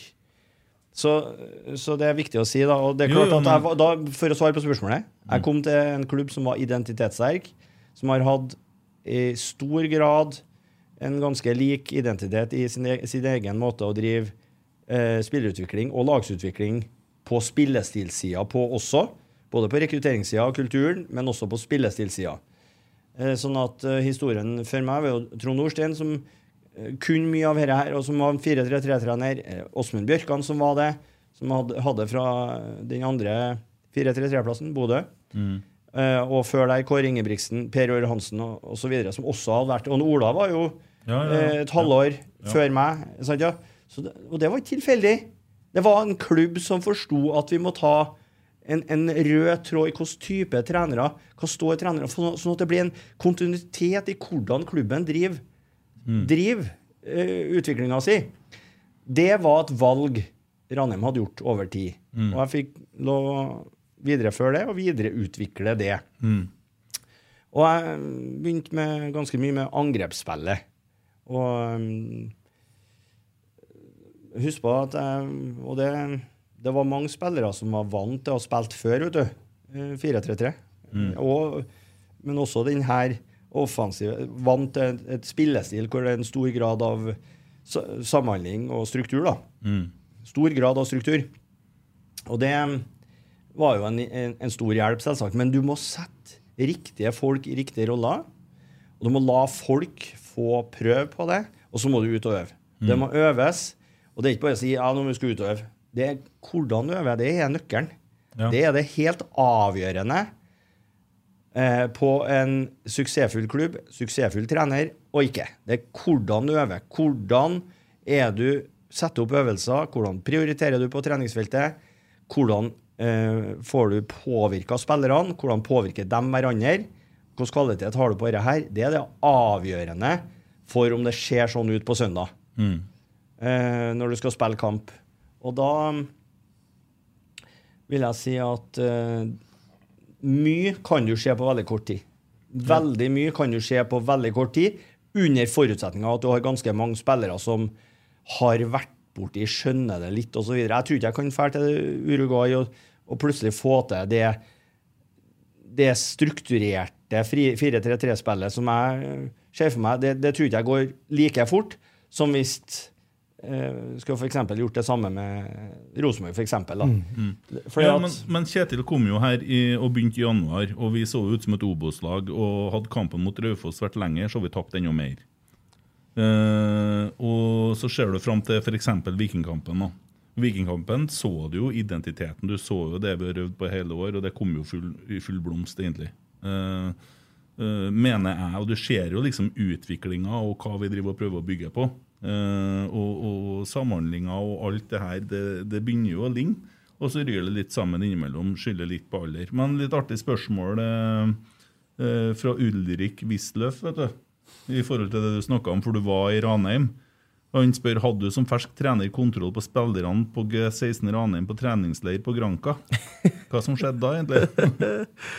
Nei, eh, jeg var ung trener, og så eh, eh, husker vi eh, jobba det, var et- det var en artig gruppe, egentlig. Det var 94-95 årgangen, tror jeg. Mm. 94, 95, 96, vi ikke tar feil. Vi hadde på G16. Og så dro vi på treningsleir til Gran Canaria. Men meg. du- var på en plass liksom, mellom flyplassen og, og hva skal jeg si, Argenigin og de sør, mellom sør og nord av, Ja. eh, på Granca. Og det var, det var en plass som var fjern, det var bare hotell, det var bare hotellet vi skulle trene. Vi skulle, vi skulle trene to ganger om dagen og bygge fysikk og fart og alt det der. Alt var jo kjempe. Vi trente bra, og vi, møte, vi møtte faktisk Las Palmas Uh, sitt eh, G19 Mm. Uh, et par ganger. Og det var vel kjempelærerike kamper. Men den ene kvelden eh, det er Ei mor som oppdaga i rommet på morgenen at de hadde noe Guttene hadde rusbrus. Da var det da, da, da dro vi på strengstemmen av Ulrik, husker jeg, dagen etterpå. Ja, ja. Det var, Sånn, ja. Ja. Det var ikke helt kontroll, nei. Nei. Jeg, jeg har fått inn litt spørsmål, så jeg skal ha med litt. eh, av det òg. Svein spør torsdagsbikkja. Er det sånn at du godter deg litt når det lugger for RBK, med tanke på at du søkte på stillinga som assistent? Eh, det, var, det var ikke noe søking på noe stilling som assistent der, da. Men eh, når det er sagt, så har jeg absolutt ikke, ikke gått til meg. For at jeg uh, er utrolig glad i Rosenborg. Alltid vært klubb nummer én. Mm. ja, det, det er ikke noe Barcelona eller United eller Liverpool eller noe sånt her, altså. Det er Rosenborg. For det, er- det er klubben fra plassen vi er fra. Det er Mm. identiteten vår. Vi er trøndere. Mm. Vi, er, vi, vi er samme folket som var ute med vikingskip. Det, det er oss. Mm. Så, så Rosenborg er klubben min, og jeg håper at det går bra. Og så vil det alltid være sånn at man eh, håper å gjøre det her på rett måte. Da. Når man Mm. først er ute på vikingtokt, at det liksom er på rett måte. Eh, og den måten man er stolt av å kjenne til og sånn. Så det er ikke noe med det. Men uh, Så nei. Men jeg vet ikke hvorfor spørsmålet kommer, da. Men uh, det var vel sikkert bare for å få fram at du har vært i en samtale med Kjetil og Geir før sesongen. Ja da. Vil jeg tro. Ja, nei, og så tror jeg at Jeg tror at Og vi har en veldig god dialog. eh, jeg snakker jo ofte med Kjetil. Ja, det ser jeg jo på treningene. Og Geir, og vi har Ja. jo sittet og hatt én ting å se- snakke på trening og etter kamp. og Vi har jo sittet og hatt egne møter. Mm. Vi diskuterer fotball. Og det skulle bare mangle skulle jeg si, med fotballfolk at, uh, og fagfolk. Sant, ja? Så at vi utveksler erfaringer og diskuterer sammen. Og, og det, og vi er veldig enige om mye òg. Mm. Er vi? Uh, altså, vi ville jo angrepet det, måten å gjøre det på på forskjellige vis. Det er jo ikke noe åpen tvil om. Sant, ja? men, men det å jobbe sammen, f.eks., det ville jo vært uproblematisk, det. For det er jo et fag. det er jo Fotball er fotball. og og der har jo Sarmen mye rett i, sant? at det handler jo veldig mye om å utvikle spillere som forstår spillet. Mm. Og så alt det andre er jo verktøy og virkemidler, da, Ja. som er ikke er uviktig, men veldig viktig, men uh, som, som ligger der. sånn at uh, det var et langt svar på kort Jo, jeg ser deg jo, og har også sett deg i samtaler f.eks. med Ole Sæter, som du kjenner godt, eh, og, og en litt nærere personlig, og armer rundt den, og snakka om tålmodighet og litt sånne ting. Jeg har jo fått med meg så mye. Det er jo, så du, det er jo ikke noen tvil om at du brenner for klubben. Og det er jo godt å se. Ja da. Ja. Eh, Men så, men så har jeg jo en rolle, da. Ja. Eh, For jeg jobber jo for Adresseavisa. Mm. Og vi skal jo Du er jo positiv til adressa, du. Ja, ja, veldig glad i adresser, og spesielt i tunge perioder. Ja, men altså eh, Det jobben til media er jo også faktisk påpeke, eller være kritisk. Altså, Kritisk betyr jo ikke nødvendigvis negativ, men både positiv og negativ til ting som skjer. Mm.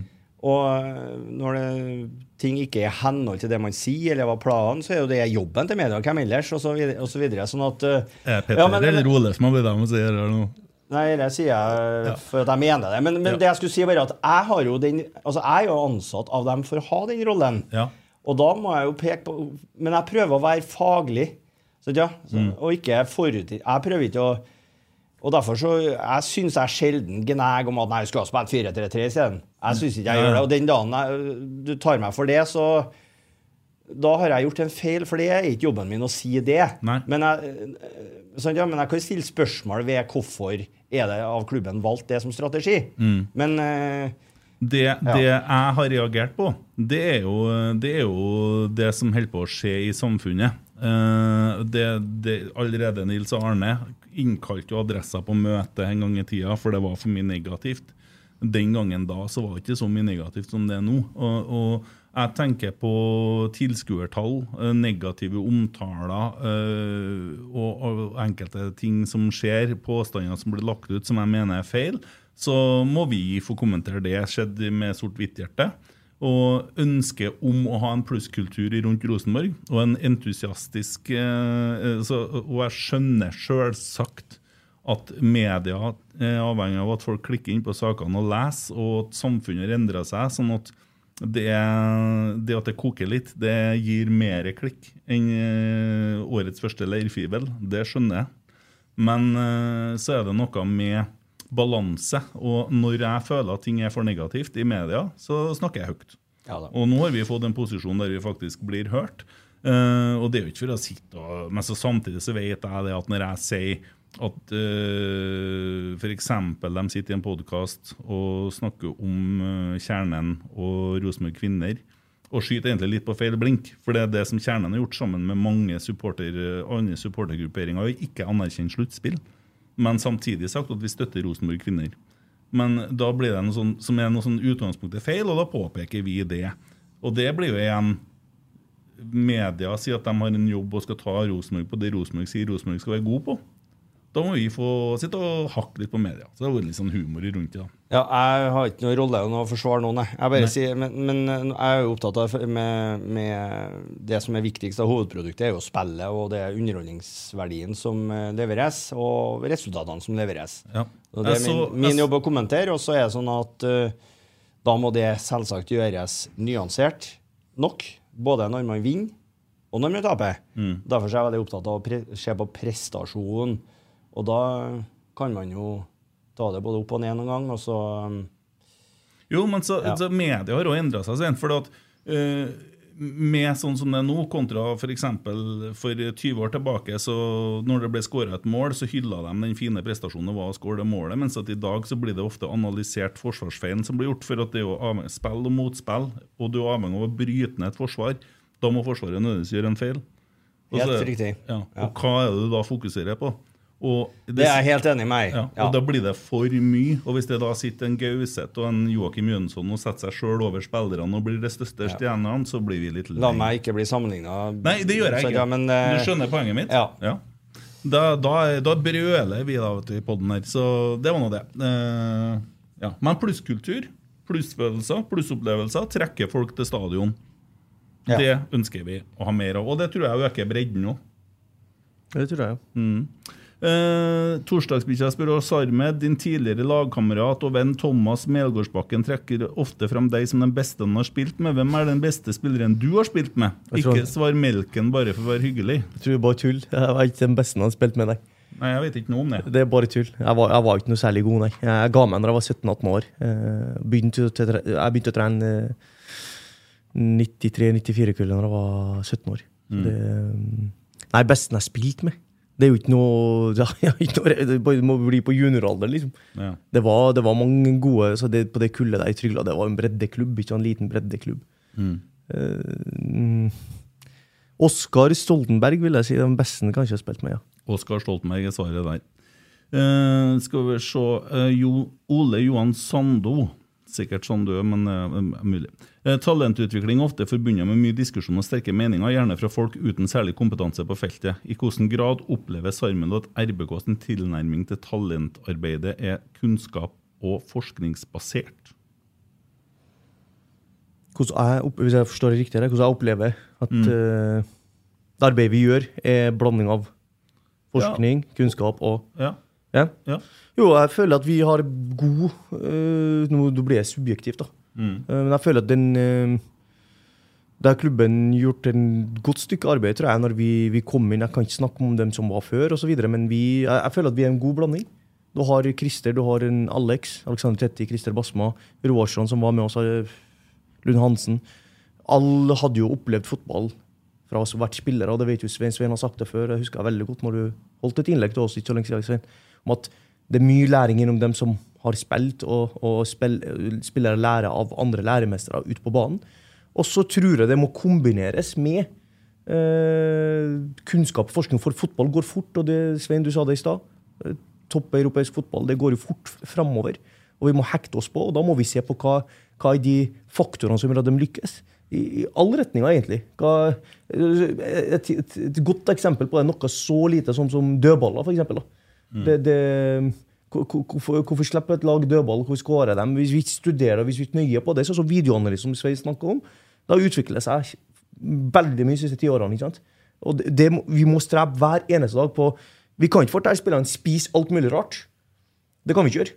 Vi, vi må sørge for at de har nok mengde, i riktig mengde etter hvert, sånn trappetrinn. Altså vi, derfor må jeg føle at en forskning må også brukes sammen med tidligere erfaring. Du Ja. kan ikke leve på ene, ene delen eller andre. Du kan ikke ha bare nerder som har studert, eller kan ikke ha bare fotballspillere til å drive det her. Så, um, For det er akademi, akademisk utvikling. Du skal utvikle eh, mennesket og spilleren, og da må du ha en blanding av det som i læremester. Ja, for jeg kommenterer litt om det, for at altså norsk to- toppfotball, norsk fotball har jo satsa en del år nå på det som vi kaller akademiklassifiseringsmodellen. Stemmer. Som betyr at uh, altså det er en sentral modell som handler om å få opp kvaliteten i alt som gjøres på utviklingsarbeid i toppklubbene. Og da blir man såkalt akademiklassifisert da, ut, ut fra hvor mye og dyktig og bra det er det, det man holder på med, litt sånn enkelt sagt på folkspråket. Og det har nok vært med å utvikle veldig mange av utviklingsmiljøene i norsk fotball de siste jeg vet ikke hvor lenge det har vart, men åtte-ti årene, eller hva det er for noe. Eh, sånn, I et konkurranseperspektiv, da, så dessverre for Rosenborg, så har det nok vært med og gjort at en del klubber har kommet minst opp på sida av Rosenborg, og på hvordan man driver i utviklingsarbeidet systematisk. Så det er en del klubber som i dag er veldig proff på mye av det de gjør. Og det handler ikke bare om hva en trener sier på feltet. Sant, ja? Det handler om struktur, systematikk i arbeidet. Og mye av det er kunnskap, og altså vitenskapsbasert. Mye av det arbeidet her. Så det er jo veldig mye penger som er lagt inn i det her, og det er mye kvalitet som er lagt inn i det. Og det er mm, dermed et stort potensial for å putte inn masse kunnskap på en systematisert måte.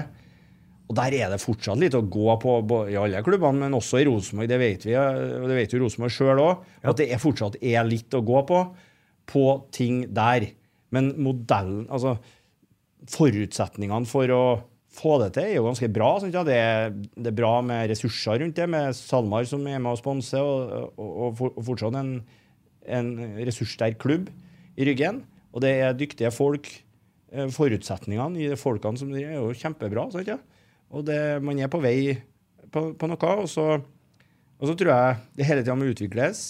Og kanskje ta seg et ordentlig løft nå for å ta igjen de beste. For det er noen klubber dessverre som er bedre enn Rosenborg akkurat nå. Så, Hvem eh, mener du det, da? Vidt jeg vet. Jeg, altså, jeg vet jo at det er klubber som får veldig god anerkjennelse for utviklingsarbeidet sitt, og da handler det mer om hvor mange som blir sant, ja? Men Ja. det handler om hva man kvalitativt gjør i hverdagen. Ja. Vi, Viking vet jeg Stabæk bra. ikke de har jo vært bra, og så vet jeg kanskje er litt sånn unnabakke igjen. Vålerenga har jo jevnt vært bra på dette her. De henter jo bare trøndere, så det er klart de eh, var, de henter jo trøndere som er ferdig med akademialderen sin, nesten. da. Ja. Eh, og så eh, Bodø har jo Bodø Rundt har jo faktisk vært eh, dyktig sånn kvalitativt, og så er det mindre spillere som kommer opp, ja, for det vi snakka om tidligere i sendinga. Mm. Og, og, og, men det viktigste av alt er at det er mange flere klubber. altså Mange klubber nå løfter veldig. Så det, Ja. det er et høyt løft. Satser og ansatte og- ja. Ja, og Og man får jo sånne stjerner. Ja, nå, man gjør det. Nå kjenner ikke jeg, men jeg vet at det er, det er en del klubber som er bedre i klassen enn Rosenborg der på antall stjerner. da. I den forrige målingen, Nå kommer den målingen ganske snart, så får vi få se hvordan vi lander på den. egentlig. Men, mm. men du har helt rett, Svein. Altså, systematikk.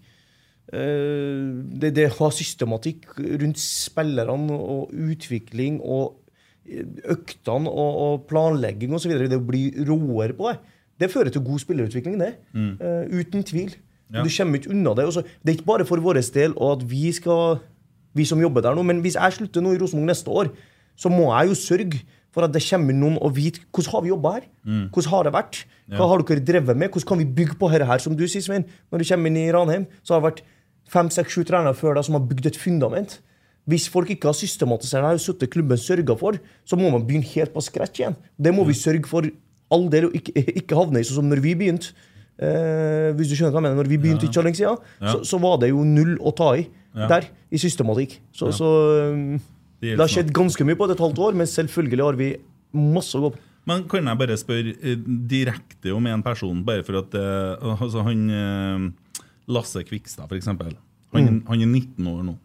Eh, ikke det? Jo. Jo. Supertalent. Uh, Skårer mye mål, virker veldig solid. Han går jo ut av akademiet nå, Ja. og da er kontrakten hans ferdig. Ja. Er det noe sånn at vi da har noen sjanse, så signeres det noe Det er bare at han eh, enten blir tatt opp i stallen og signert en proffkontrakt, eller så er han videre til en annen klubb? Nei, altså det, jeg, jeg, jeg tenker det er masse muligheter på det. Altså hvis klubben velger å gå tilbake til overårige, så er det mulighet til å holde på de spillerne. Ja. Uh, annen mulighet er å låne dem ut. Ja, for jeg tenker klubber. Det, Og så se hvordan de utvikler seg. Ja, F.eks. en spiller med et voldsomt potensial, eh, som jeg syns har tatt bra steg det siste året. Jeg har sett en del RBK2. Han gjorde, seg, gjorde det bra oppe i Ranahallen her nå Ja. ja. før i gårs. En kamp for så vidt Rosenborg 2 vant eh, med masse 05-ere på banen, Ja. hvis ikke det er feil. En 06-er. Ja, veldig god prestasjon. Uh, men altså, det å utvikle sånne spillere for å så slippe dem, det, det har jo en kostnad. Og så lag disse her spillerne. Og så vet jeg at eh, vi snakker om å fylle stadion, og så sier Gjøran til meg 5000 stykker pluss i året. Det tilsvarer 10 millioner i året. Det er jo ikke en Salvesen til Bodø-Glimt engang. Altså det, det man gjør, er jo at man investerer jo i å bygge verdier for klubben. For å høres jo litt kynisk ut, for det er jo mennesker, men det er jo det vi gjør. Det er jo en veldig bra måte å, å få til omsetning på òg. Altså Absolutt. akademiet. Ja. Det er utrolig viktig. Men Men, jeg har ikke noen fasit på det, hva man bør gjøre med spillere som er gode. Og, altså, men, men vi må òg være stolt at hvis, vi, hvis en, Lasse da, drar til Ranheim eh, Vi må være stolt av det òg. Vi har over fem, jeg, jeg kan ikke statistikken på det, men jeg vet at det loggføres hos oss. Tore har vært ekstrem på det, og, og jeg vet at eh, Tore Grønning har vært ekstrem på loggfører, men han, han har et ark på det her, og, og det er over 50 aktive spillere i de to, topp to uh, altså, i Eliteserien og Obos-ligaen og internasjonalt, da, Ja. som, som, er, som er produsert gjennom SalMar-akademiet. Og det må vi være stolt av. jo, men også er det også veldig vondt å se at vi har en Kamanzi som er på utlån til Ranheim, og som ikke blir noe mer av, som gjør det bra i Tromsø. vi Ja, men, men, det, til- men det falt tilbake til det Sven snakket om tidligere. For det falt tilbake til treneren. Noen ser på talent vi, Hele episoden er om talentutvikling, kanskje. Ja, ja. Hva er talent for deg? Hva er talent for Svein, og hva er talent for meg? Jeg, jeg vedder vi får tre forskjellige svar på det. Ja, ja. Det har blitt gjort studier på det her. Eh, En, en, en Stig Arve Sæter sitter på NTNU, uh, forska på det her i 2004 og fikk, eh, fikk, eh, fikk eh, Han spurte, tror jeg, var 12, 12, 12 eller 14 Mm. topptrenere om hva legger dem i ordet talent hos en fotballspiller. Han fikk 14 ulike svar. Ja. Er du med? Så. Det, det at Kamenzi blir eh, de i Tromsø ser han mer talentfull i det systemet, i det, den måten å spille fotball på, enn det Kjetil gjør, kanskje. Ja. Og sånn vil det alltid være. Jo, jo, jo. Men poenget er at vi da, han drar til Tromsø. Vi går til Djurgården og henter en, kjøper en spiller. Når vi på en måte har egentlig òg eh, sådd et frø der tidligere. Som, men man kan Ja, jo ikke vite sånn på forhånd, og så Nei. plutselig så funker det sånn. og Han spilte jo ikke alle kampene i Ranheim, og han satt en del på benken osv. Men det er jo litt sånn snodig å se hvordan det funker. og ja, Du har rett, det er utrolig mye spillere rundt omkring i Norge som Men eh, det som har gått igjen på mange av de 50, Mm. det er at du har egentlig ikke fått altså så er det lett å si etterpå at ja, hva var jeg sa, herregud, Rosenborg klarte ikke å finne ut at han her blir god og sånn. Lett å si det etterpå, altså. Mm. For at mange av disse her gir ikke det svaret, på en måte, og viser ikke frem det her, og når ikke det nivået før de begynner å bli litt voksen. Mm. Det er ikke sånn at du er ferdig, det er ferdig avgjort når du er 19 dette her. Nei, slett ikke. Det, det kan være at du blir Du trenger lengre tid. altså Det er senere modning på folk. Og, og det er klart at der Det var jo en hjertesak for meg som var i Ranheim, selvsagt. At jeg hadde jo trua på på senere modning. Altså at det går an å bli god Mm. nok, eller best, eller hva jeg skal kalle det, senere. Det er ikke avgjort når du er 19 år. Uh, og det var jo, hadde vi jo eksempler på der òg, at uh, spillere som blir gode eliteseriespillere, uh, avskrevet for lengst, på en måte, på Lerkendal f.eks. Mm. Eh, og det betyr ikke at Rosenborg sånn uten videre har gjort en feil eller noe. Uh, fordi at, uh, men kan man, jeg er mer opptatt av hva gjør vi med det, enn hva som har skjedd, og sånn, og gi skyld. Fremover, hva kan man gjøre bedre? Jo, jeg tror at trøndersk Fotball kan sette dette i et enda bedre system.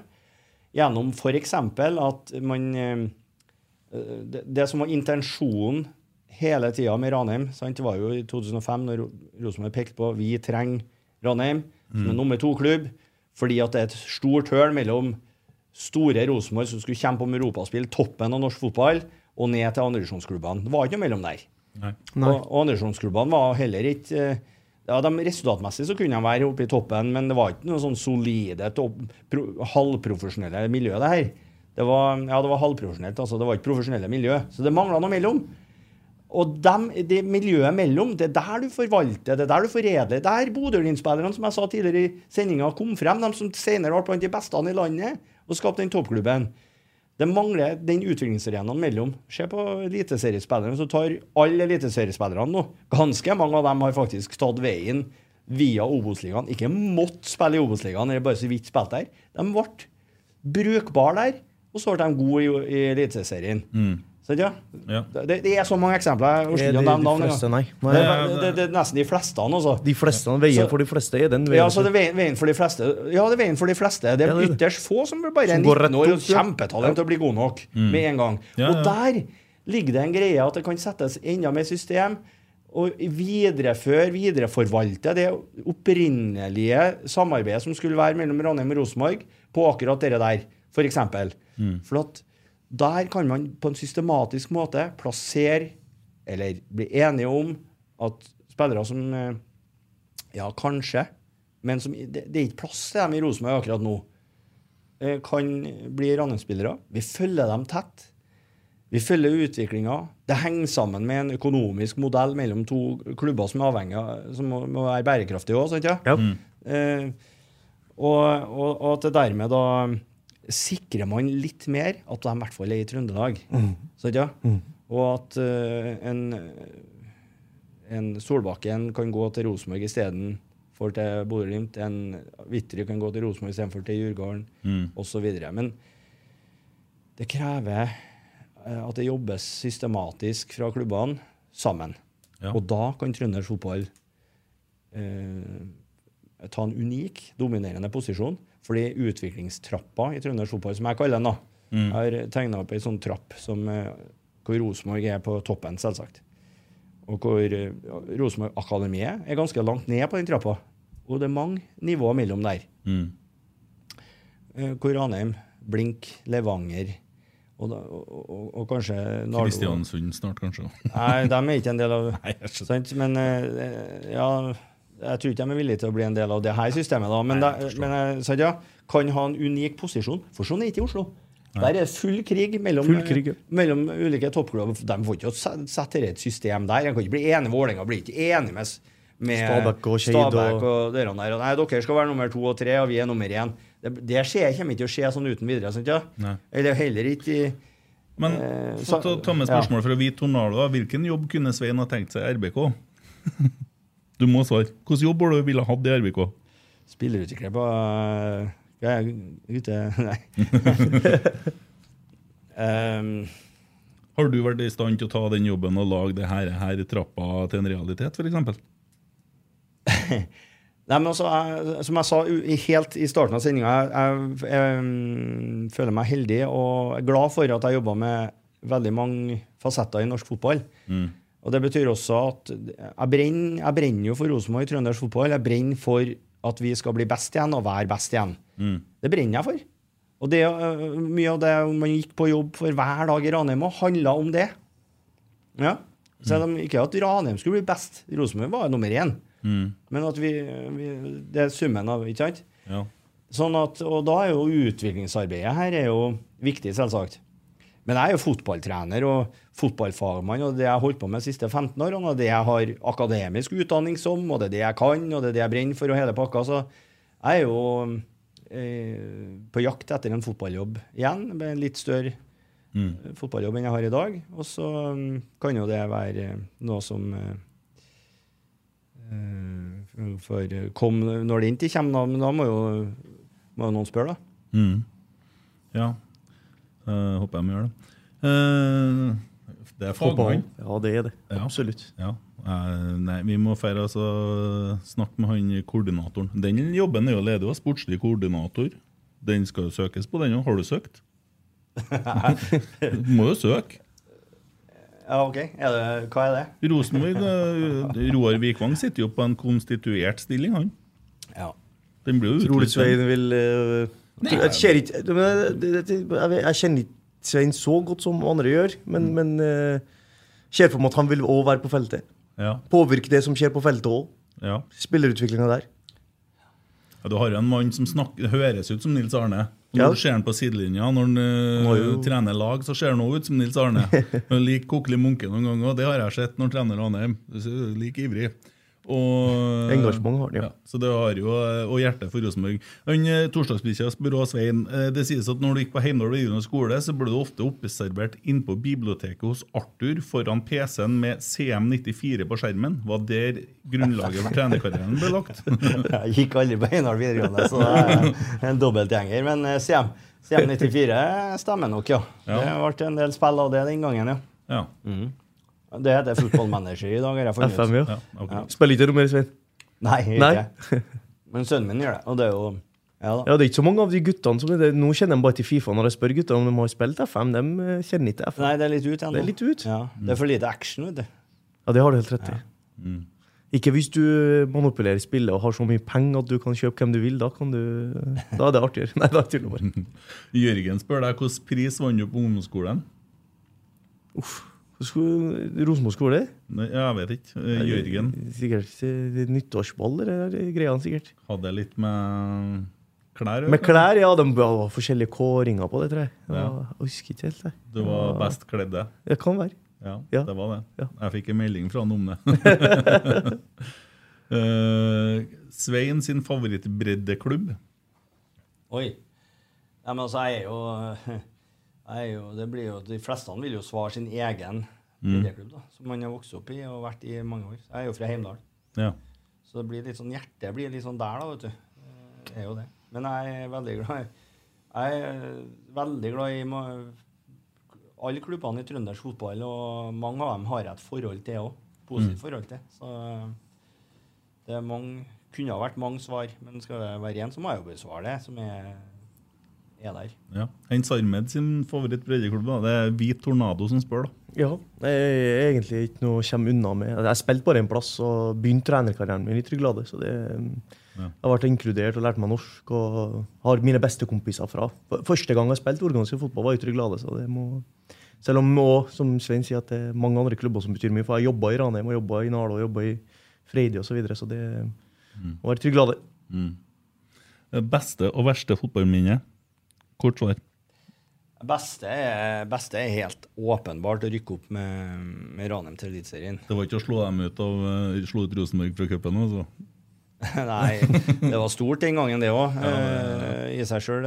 Men eh, det er Jeg spilte på festen det året, vet du. Når du så den videoen eh, på dere års eh, julebord, hva var det for noe? Ja, det var julebord, ja. Ja. Det var, nei, altså, en årsavslutning var det du var på. Ja, Det var en tung spilling, kan jeg fortelle deg. Ja. Ja, De var ikke så interessert i spillerne i musikken. Nei, men jeg var interessert. Vi var jo enige vi, om Ja. hva du skulle spille. Ja, ja, ja. Og så var det Men, så, så det, men i det, det, altså det øyeblikket hvor det, vi um, Mikke Karlsen setter den straffen vi rykker opp, det er helt åpenbart det desidert største høydepunktet. Og vi hadde mange høydepunkt året etterpå i Eliteserien òg. Ja, for det gikk jo steika godt, det der. Ja da, det gikk bra, og vi, vi gjorde jo som veldig mange andre og nyopprykka lag har gjort, at man overrasker litt året etterpå. Men vi er jo mest stolt av måten vi overraska på, for den er litt mer unik. Mm. Eh, og, og, og at vi på en måte vant mye fotballkamper med mer enn bare energi og sånn nyopprykka kåthet, skal jeg si, kåtskap. Altså det var faktisk eh, med et spill som var vi kan være stolt av, og som var en klar plan bak. og Vi, vi fortjente jo mange av de seirene. Og, Mm. og det, så, nei, men det er akkurat det øyeblikket. Største nedtur eh, Det er lett å si nedrykket igjen, da, men eh, eh, Det blir jo fort det, tenker jeg. Eh, og så er det Ja. Kommer ikke på Nei, det var ikke noe dikt fra Per-Mathias Søgmo? Det, hver, hver gang man mister en spiller, Mm. er veldig tungt. Ja, Apropos det, hadde Rosenborg slått Haugesund hvis Kristoffer Løkberg har spilt på midtbanen til Rosenborg? ja eller nei? Eh, den beste utgaven av Kristoffer Løkberg, så det tror jeg faktisk kunne ha vært en veldig fin greie for Rosenborg. Også litt i den spillestilen her. Mm, jeg er helt enig. Jeg, men jeg tror eh, motoren i hodet hans er så bra for det vikinglaget at du ser forskjell på Viking med og uten Kristoffer Løkberg. Ja, fantastisk type ute på banen. Eh, Du har jo en ekstra trener på banen. Ja. Det handler mer om, like mye om hva som sies, som- som at det sies mye. Mm. Og høyt. Det Det var en fryd for en fotballtrener Svein, å ha han eh, utpå der. Ja da. Det er, han fikk aldri kapteinspinnet av meg, men han var verdens mest naturlige kaptein eh, uten å ha det. Så Han gikk ikke så bra til å synge. jeg vet ikke. Det kommer på han kom jo på sang i lag med meg når vi var på denne festen, her, men det ble jo litt liv i gjengen. Det var det som måtte til. Det var han da òg. Uff. Uh, ja, uh, Sarmed sitt beste fotballminne. Uff. Um. Det må bli da kom til Norge og øh, kunne slippe meg fri. egentlig Første gang gressbane, første gang jeg visste jeg var trygg. Her kunne jeg bli, her kunne jeg være en del av et fotballag på Lade. Mm. 2. august 2002. Ja. Kom 1. august. Gressbaner. Gresslukta av banene når det blir nyklipp på Lade, den tar meg tilbake dit hver sommer. egentlig. Lykke. Her, kunne, jeg- her skal jeg bli resten av livet. Mm. Det er det beste minnet jeg har. Ja, Og herlig. blanda med første gang jeg solgte te og kaffe på Lerkendal for ikke Rosenborg. Mm. For å komme inn på kampene. Sto Mm. Champions League-kamp, Real Madrid. eh, Det var stort. Ja. Ja. Herlig. Eh, verste fotballminne? For å gjøre podkasten artig, så sier jeg 'tapa mot Svein eh, i NM'. Nei, verste er jo uff. Ja, Det er jo det, å hate å tape. Hver, altså, hver kamp vi har tapt, så syns jeg at et nederlag, det, det Mm. Um, Nei, altså det, det, Når du taper fotballkamper, så, så er det, det er ille, liksom. Mm. Jeg går og grubler, grubler over det i flere dager, egentlig. Eh, Det har jo hatt nok år i akademiet i fjor og, og så videre. Men jeg vet ikke om det er rundt det å være trener på en måte i akademiet, eller det Jeg vet ikke. Verste fotballen fotballminne? Nei, det er ikke noe Det er ikke noe spesifikt. Nei. Nei. Uh, men jeg føler deg trygg Uh, I Rosenborg slo Dortmund 3-0 på bortebane. Vet du hva de fant rett under banen uh, en liten stund etterpå? Nei. De fant en udetonert bombe som har ligget siden andre verdenskrig. Og det var bare rett under gressmatta. Er det sant? Ja. Det står i Jeg tror det er Otto Ulseth sin bok med Nils Arne. Hvis ikke jeg tar feil. Tenk på det. Det er jo helt sykt. Det, det er vilt. Du er aldri trygg. Dæven, det er vilt, altså. Uh, Fredrik Ene spør uh, Gutter 16 reiser rundt og bare pisser på. Hvor bra er det her G16-laget? Ja, fordi det er en ting som vi ikke har vært inn på i dag, egentlig. Altså, jeg, jeg, har hørt, eh, jeg liker å høre på podkast når jeg jogger eller når jeg trener og kjører bil. Jeg syns det er artig å høre på forskjellige ting og lære. Ja, Vi har jo kommet til maraton vi nå snart. Ja. vi skal springe langt. Nei, og så syns jeg de, de podkastene som snakker om fotball og, så videre, og, og trøndersk fotball og Rosenborg da, eh, Det snakkes lite om G16-laget. Når det snakkes om akademi, så snakkes ofte om andrelaget. Mm. That's it. Mm. Punktum. Um, og, og den jobben eh, som gjøres med de yngste, syns jeg fortjener eh, å bli løfta fram. Da. Det, det, det er ikke noe um, å legge skjul på at Det, det handler ikke om resultat, egentlig. Men eh, det handler mer om utviklingsmiljøet vi har skapt der. Mm. Som er av spillere som vil opp og frem, som vil trene, som, som legger ned x antall timer. Som har en sånn kultur. da. Det er et samhold. Bry, jeg er ikke bekymra i det hele tatt når vi har 08-ere oppe blant de 06-erne og 07-erne. De tar vare på hverandre. Ut på banen, de krever hverandre. Eh, det er det jeg er ute etter, egentlig. Eh, når de spiller. Eh, I går spilte jo to-tre stykker av dem.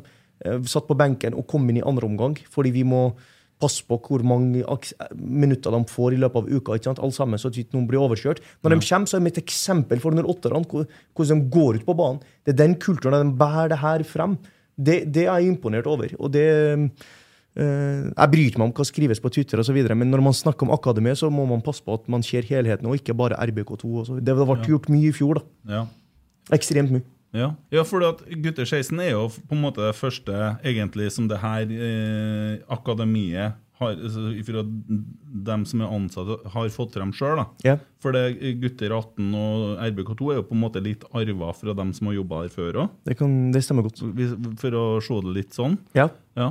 Eh, har dere noen planer om å reise ut til internasjonale turneringer? Ja, jeg vet at det skisseres frem til neste år, og det har vært savna. For det er mange som snakker om det å Mm. spille internasjonalt og få, få noen referanser. Men samtidig så vet du at er du med på å skape et godt miljø, læringsmiljø, utviklingsmiljø, guttene tar steg, så vet du at det hentes at spillerne kan fort spille tredjedivisjon. Mange smakte på andredivisjon i fjor. Mm. Det, det kan ikke kalles for internasjonale kamper, men det er referanser for guttene. Noen har hospitert hos A-laget eh, på treningsfeltet.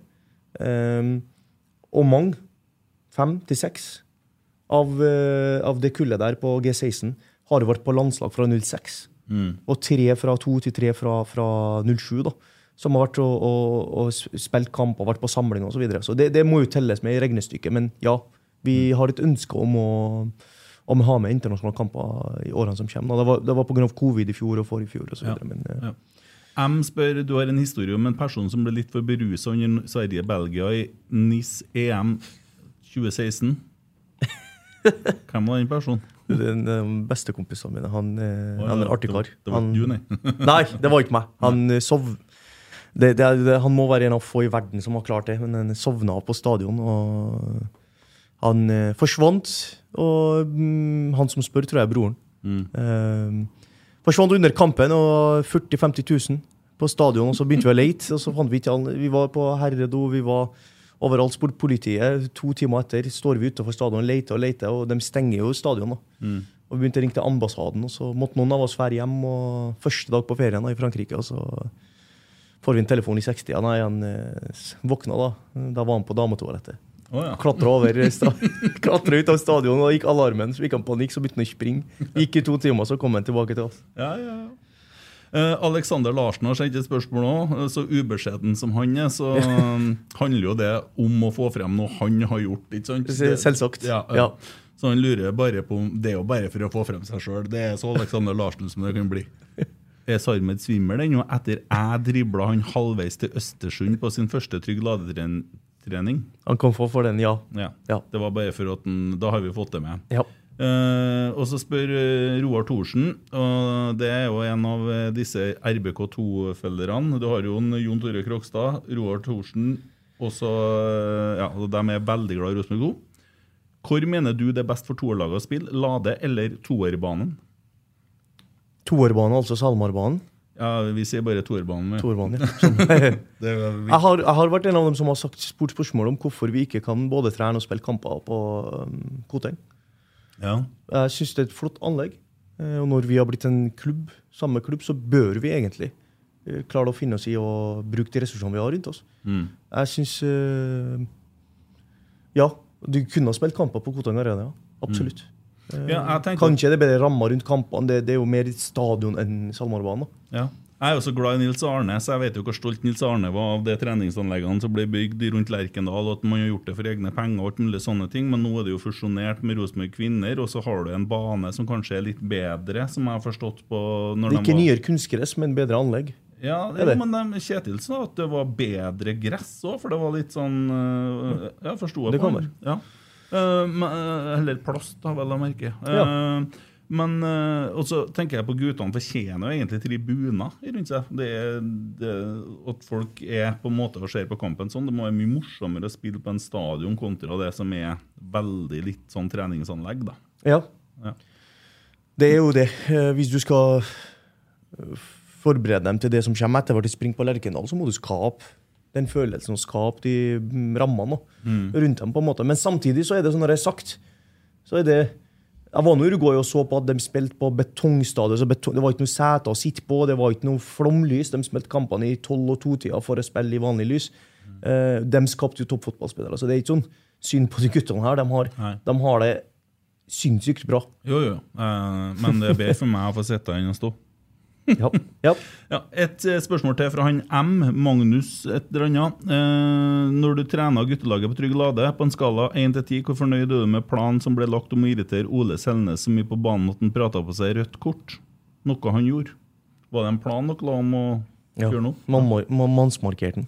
Tok den ut. Eh, Ti av ti fornøyd. Han ble utvist. Ja. Vi vant kampen. Og så er spørsmål fra Robin Hamnes på Snapchat til Svein. Hvorfor er du ikke ansatt i RBK? Spør OK. er det spørsmålet til meg? Ja. Jeg har ikke med ansettelsene i Rosenborg å gjøre. Nei. Hadde du vært ansatt, hadde du ansatt deg da? Da hadde han vært ansatt, hadde han ikke? Nei, men jeg, Hadde du bestemt? Jeg, jeg, kan- altså, jeg kan forstå spørsmålene, klart, fordi at eh, jeg har jo Jeg er jo en fotballmann som brenner for dette her, og har eh, en erfaring og en CV Bakgrunn jeg har holdt på med, da, på en måte, eller en sant, ja, Mm. som gjør en eh, kompetent, eller altså, det er en del, en del ting som stemmer her. Så jeg kan eh, forstå de spørsmålene. Og, men da må jo Da må jo da bare noen spørre, da. Mm. Vi må sørge for at det skjer. Syns du oppriktig at Rosenborg er gullkandidat til neste år, gitt at vi berger spillerne våre? Ja, det kan skje. Det kan være, ja. Men eh, eh, ja, man må berge spillerne. eh, sannsynligvis noen forsterkninger i enkelte posisjoner. Og, men viktigst av alt, det må skje en videreutvikling av det man sjøl har, og det laget man har. Det må skje forbedring på eh, områder av spillet som eh, krever litt tid, da. For når du skal bli det beste laget, så må du ha For det første, da må, da må du være god i angrepsspillet. Det er veldig, veldig få tilfeller hvor ikke man er veldig god i angrepsspillet når man er, blir ligamester i en liga. Mm. Og um, Nå sa jeg ikke at Rosenborg ikke er det, men det er noe å gå på der. Ja. Det er det. Helt enig i det. Spesielt imot sånne kjøttlag. Men det kan jo skje. altså det, det er jo eh, kontinuitet. Det har skjedd en del ting gjennom sesongen her, i positiv retning også. Noen ting har skjedd for lite av, men eh, det er jo litt tid til sesongen 2023 begynner. da. Så bruk høsten godt, bruk vinteren godt. gjør de rette tingene, så kan da vel det skje. Mm. Eh, så har Ronny stilt et spørsmål til Svein. Eh, det kan jo dere òg diskutere. Hva mener Svein kjennetegner en god utviklingsklubb og dens kultur for å legge til rette for utvikling til de som har kommet lengst, samtidig som en ivaretar tilhørigheten til egen gruppe? Ja, Det var et ganske komplekst spørsmål. Ja. Men spørsmålet var hva kjennetegner. Og da vil jeg si at det er viktig at i dag så vet vi at eh, eh, et veldig viktig kjennetegn er at man driver ganske strukturert, som vi var inne på i stad. Det, det er mer og mer struktur i utviklingsarbeidet. Det betyr at det er et planverk. Det jobbes eh, altså, Jeg syns en god, god sammenheng er skoleverket. da. Altså I skoleverket så jobbes det etter en struktur. Det er ikke bare en lærer. Ja, du skal ta, altså, ta inn klassen og lære opp dem. Det er en struktur der. Eh, som handler om å skape et læringskultur hvor flest mulig lærer mest mulig på kortest mulig tid, på best mulig måte. Eh, og det, han, det, det sånn, Vi må passe på hva vi dykker ned i her. Men eh, den strukturen den handler om at alt det som en fotballspiller skal lære seg, og et menneske da, hele, Vi skal utvikle hele mennesket, vi skal utvikle fotballspilleren. Det er mange fasetter i det. Som, Og det skal skje i en alder hvor menneskene, guttene og ungdommene her er i en, i en stor utvikling fra før.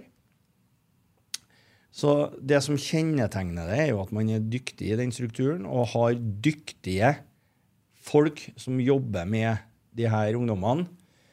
Og den dyktigheten tror jeg, jeg tror den, Da er det jo avhengig av litt sånn forskjellighet, som vi var inne på i stad. At vi Mhm. har litt forskjellige typer, litt forskjellig bakgrunn.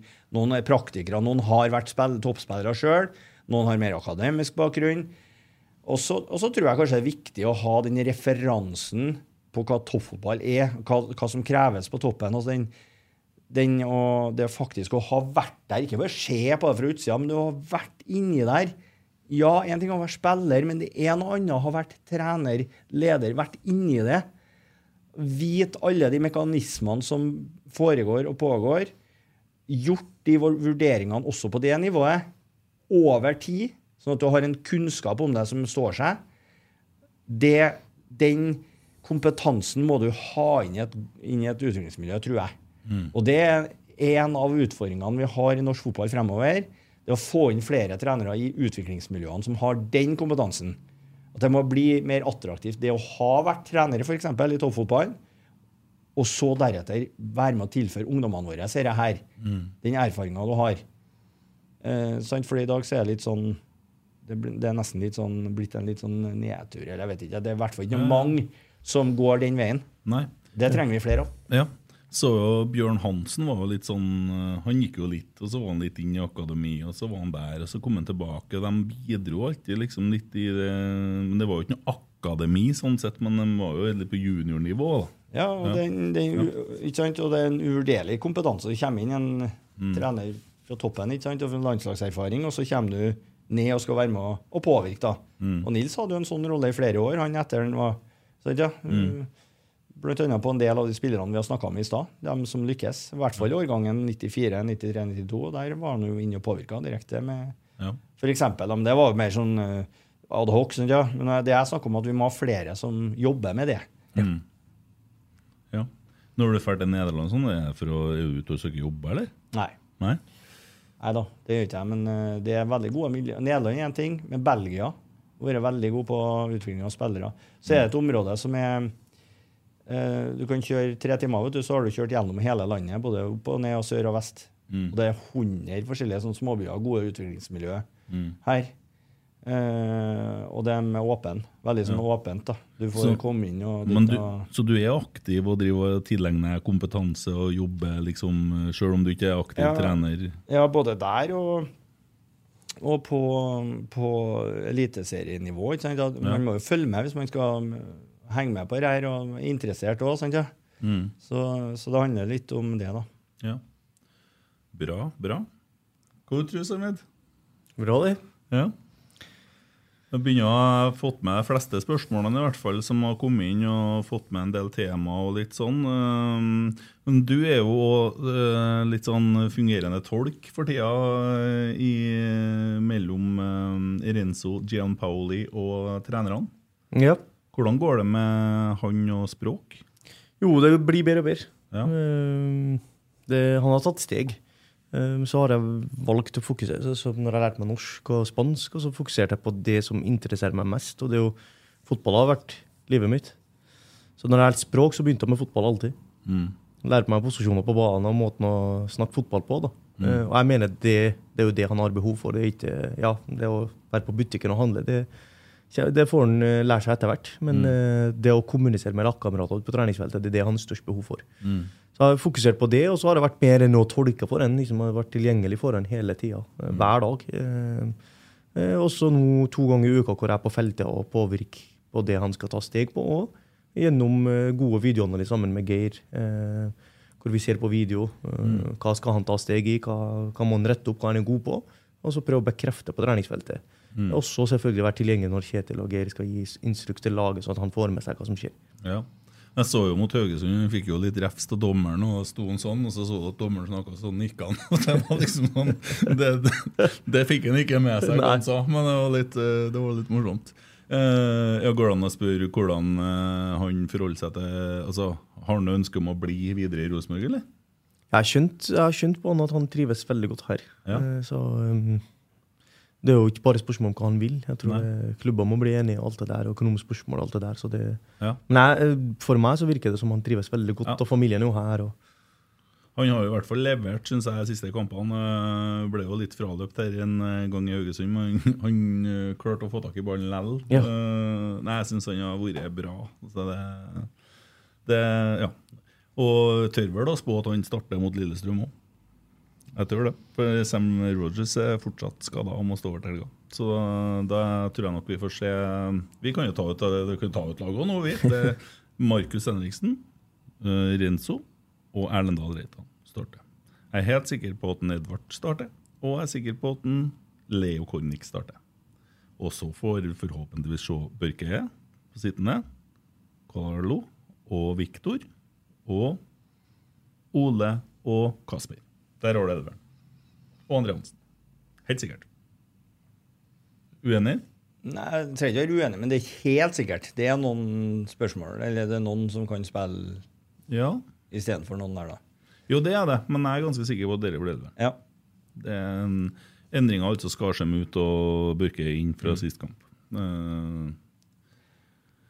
Det Ja, akkurat den endringa er jo litt logisk, på en måte, ut fra at uh, Børke De henta jo han for at han skulle spille den rollen. Eh, han kom inn der og var viktig nå i var en eller to kamper han kom inn og spilte der. eh, Det ble gjort to bytter i pausen. Ja, der det ble til endring, og så ble det en start mot uh, Viking, der vi Ja. ja.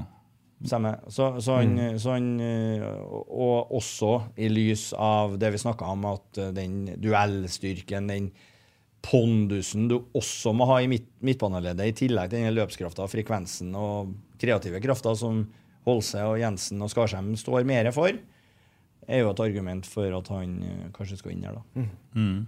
Men jeg mener jo fortsatt at Rosenborg mangler den optimale eh, balansekrafta på midtbanen. For at eh, du må, du må ha I en, forma, en sånn formasjon med tre på midten, både 4-3-3 og jeg mener 3-5-2 òg, og i hvert fall i et lag som, eh, som skal være så god at de har angrepet mye da, og har ballen mye og så, ja, har et kollektivt angrepsspill som er sunget av, så må den sentrale midtbanespilleren være trendsetteren i spillet. Temposetteren må være den.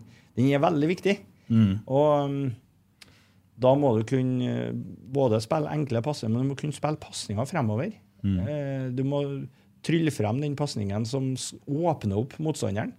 Ofte fra den posisjonen der òg. Du må ha den enda lenger fremover. Altså, den som setter tredjeassisten, eller den som spiller gjennom og sånn. ikke sant?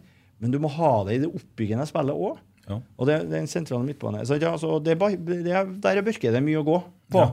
Han, ja. men han er bra på det balanserende. Han mister ikke ballen noe mye. Han, er, han kan trykke det defensive, har han litt på plass, ikke sant? Posisjoneringa. Ja, posisjon, han er best på posisjoneringen, da, for rekkevidden utover det er jo, har han litt å gå på igjen. Ja. Han, er, han er ikke kjemperask, og han, han er ikke en sånn katt som en eh, Antony Hannan var. Nei. Eh, Men han er posisjoneringssterk, da. Sånn at ba ba balansen i midtbaneleddet blir bedre med han der. Og, så er han eh, sterk. Sant, ja? Vinner duellene. Så han vinner flere dueller. Så han, eh, men som jeg sa i stad, den offensive krafta er litt å gå på. Og så sa jeg ikke noe Jo, jeg gjorde egentlig det. Jeg sa at Rosenborg må kanskje ha en, en bedre spiller der, men det kan jo være en bedre Børke i det. Ja, for det, Det er viktig å si. Ja. For det snakka jeg om i stad, at vi skal utvikle et lag, men da må vi utvikle enkeltspillere nå. Mm. eh, Til å forstå tid og rom og, alt det der. ikke sant? Men det går an å utvikle, da. Og, um, men da må det påvirkes. Mm. Og det må tydeliggjøres hva man ønsker. Og det er klart at han må påvirkes mer til at um, eh, Når spiller jeg fremover? Når setter jeg opp tempoet? Eh, eller når er det lurt å flytte ballen fremover? da? For det trenger ikke å ha sammenheng med å sette opp tempoet. Nei, når Nei. temposkiftet skal komme, skal jeg si, egentlig. Det, det er en ting som eh, jeg syns er interessant.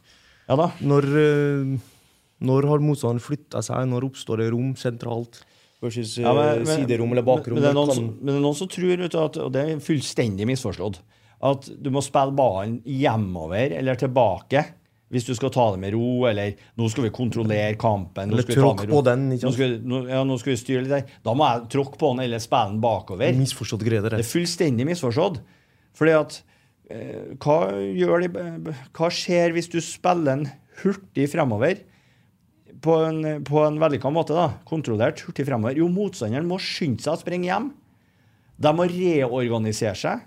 Da går de, Istedenfor at de kan da tenke gjenvinning, eller ta et steg frem, eller gå opp i høyt press, som er en, og alle dem er en offensiv aksjon. Det å kunne prøve å gjenvinne ballen, eller flytte ba, øh, laget ditt opp i høyt press, det er en offensiv aksjon, det. Men hvis Rosenborg spiller ballen fremover, så må motstanderen reorganisere seg. Nå må vi tenke forsvarsspill, nå må vi tenke forsvarsspill, nå må vi Hindre mål. Nå må vi hjem, nå må vi hindre mål. Istedenfor å vinne ballen, nå må vi hindre mål. Og da, da kan Rosenborg kontrollere kampen i større grad med å spille motstanderen lav. Sørg for at de eh, da bruker jeg den bokseterminologien igjen, at de henger i tauet. De Mm. har mer enn nok med å forsvare seg bakpå der. Sant, ja? Mm. Og så kan Rosenborg angripe på den måten. Ikke nødvendigvis med at de skynder seg å avslutte angrepet, og sånn, men, men spille dem lav. Komme seg på gjenvinningsposisjoner. Ta muligheten til å ta sjanser når de kan. Akkurat den fasen jeg har snakka om tusen ganger i år, da, men den fasen må Rosenborg bli bedre på. Det spillet. eh, og få flere av de situasjonene. For egentlig lager en ganske god gjenvinning. Ja. Det, ja, det har vært veldig bra enkelte kamper. ja, ja, ja, det er det. Men Men, men det, krever, det krever at du har nok antall angrep, og at angrepene er lange nok til at du kommer deg i de gjenvinningsposisjonene. Ja, Uh, ja. og så har jeg sett altså Børke han starta jo på midtbanen, men så ble han jo flytta bakover. Men jeg trodde at når, han, når vi begynte i sesongen i år, så var tanken med han at vi skulle bygge en ny Ole Selnes, Bent Skammelsrud, kall det hva du vil, den rollen, men hans rolle. Men så blir den jo flytta og blir brukt som forsvarer, og så får vi aldri Men det har fungert så jæklig bra nå, for det, jeg mener at godfoten hans er posisjon og forflytting. Og han klarer å ta ut den avstanden mellom forsvaret og midtbanen. Og han er litt sterk, som du sier. For når at vi har hatt andre spillere der, så har de kanskje sett litt veik ut, spesielt når vi møter litt sterke lag. Og det gjør vi på søndag. Vi møter et voksent lag. altså. Ja, og så er han oppvakt. Han er opptatt, han følger med hele tida. Han er en sånn oppsynsmann. Ja. Du må ha oppsynsmannfunksjon når du spiller sentral midtba- midtbane. For du, Lojal, type. ja, du, ja, så, ja, så må du liksom evne å forstå spillet og posisjonere deg og liksom passe på enn visst hva skjer her nå. Sant, ja? Det er en viktig egenskap, det òg, og den har han i stor grad. Og det tror jeg er argumentet for at han kommer til å spille nå igjen, at Rosenborg trenger den egenskapen nå. Kjenner han til å skje, ikke sant? Eh, sånn som det har gått, og sånn som jeg kjenner trenerne. Og så er det, som jeg sa sagt tusen ganger nå, han må utvikle det offensive i spillet sitt. Ja. Sånn at eh, de pasningene hans eh, blir mer skapende. Skåra to mot Bodø-Glimt, da. Ja, men jeg er ikke negativ til ham. men han Ja. kan bli bedre, han Ja. sånn som jeg har sagt om Ole, Ole Sæter. Kjempebra når han er rettvendt, kjempebra i boksen. Kjempebra når han får situasjoner han kan avslutte på én og to touch. Råbra. Derfor er han toppskårer i Rosenborg. Ganske svak i kamper der han blir spilt opp og feilvendt og må operere inn i trange rom. og det. Men han kan bli bedre på det. Han kan jo bli bedre. Han må-. Han kan jo øve seg, han kan utvikle seg. Selvsagt kan de det. Eh, Det bare handler om øving, kvalitet, bevissthet, og så handler det litt om struktur og gjenkjennbarhet, som er, er, er verktøy, da, hjelpemidler til det. Mm. Ja. Stikkord for kampen mot eh, Lillestrøm, da? Er noe vi, eh, du liker ikke å se på motstanderen? jeg jo i Stopp. Gjermund Aasen og Pål André Helland. Ikke gi en tid til å stå pirk, og pirke, nei. Nei, Pål André Helland satt nå på benken, nei, på tribunen sist, så han virker som han er skada. Men uh, et stikkord må nå være å tenke på dødball imot, for det er jo der de skårer mål. Ja, Ja, de er veldig dødballsterke, og så er de jo kontringssterke. Ja. Da kommer vi. Går tilbake til det Svein sier. Hvis du har ballen, og hvis du evner å true med ballen, og evner å ta vare på ballen langt opp, så hindrer du så mot Vålerenga. Jeg så den kampen der. Altså I første omgangen og andre omgangen videre. De kom ikke høyt nok opp. De klarte ikke å få de dødballene de skal ha, eller de slo bak dem, eller kontra. De stoppa dem høyt opp på banen, og de vant den kampen der. Ganske overbevisende, egentlig. Ja. Uh, ut fra det, mitt perspektiv på den kampen. Så hvis, uh, som, som Svein sier, kjør dem. Kjør dem, gå ut med en vinnermentalitet om det her, det her skal vi dominere. og da, Ikke la, la dem rekke å tenke på at de skal dominere en kamp, styre kampen. For da er de farlige hvis de får lov til å gjøre sitt. Og, og, og dominere og skape sjanser og få corner og masse dødballer opp høyt mot oss. da. Eh, ja, mens jeg husker uh, Du snakka om gutter 16. Det er Uh, Jeg prøver å følge med det som går an til Rosenborg. Uh, Du gjør på ganske mye. Ja.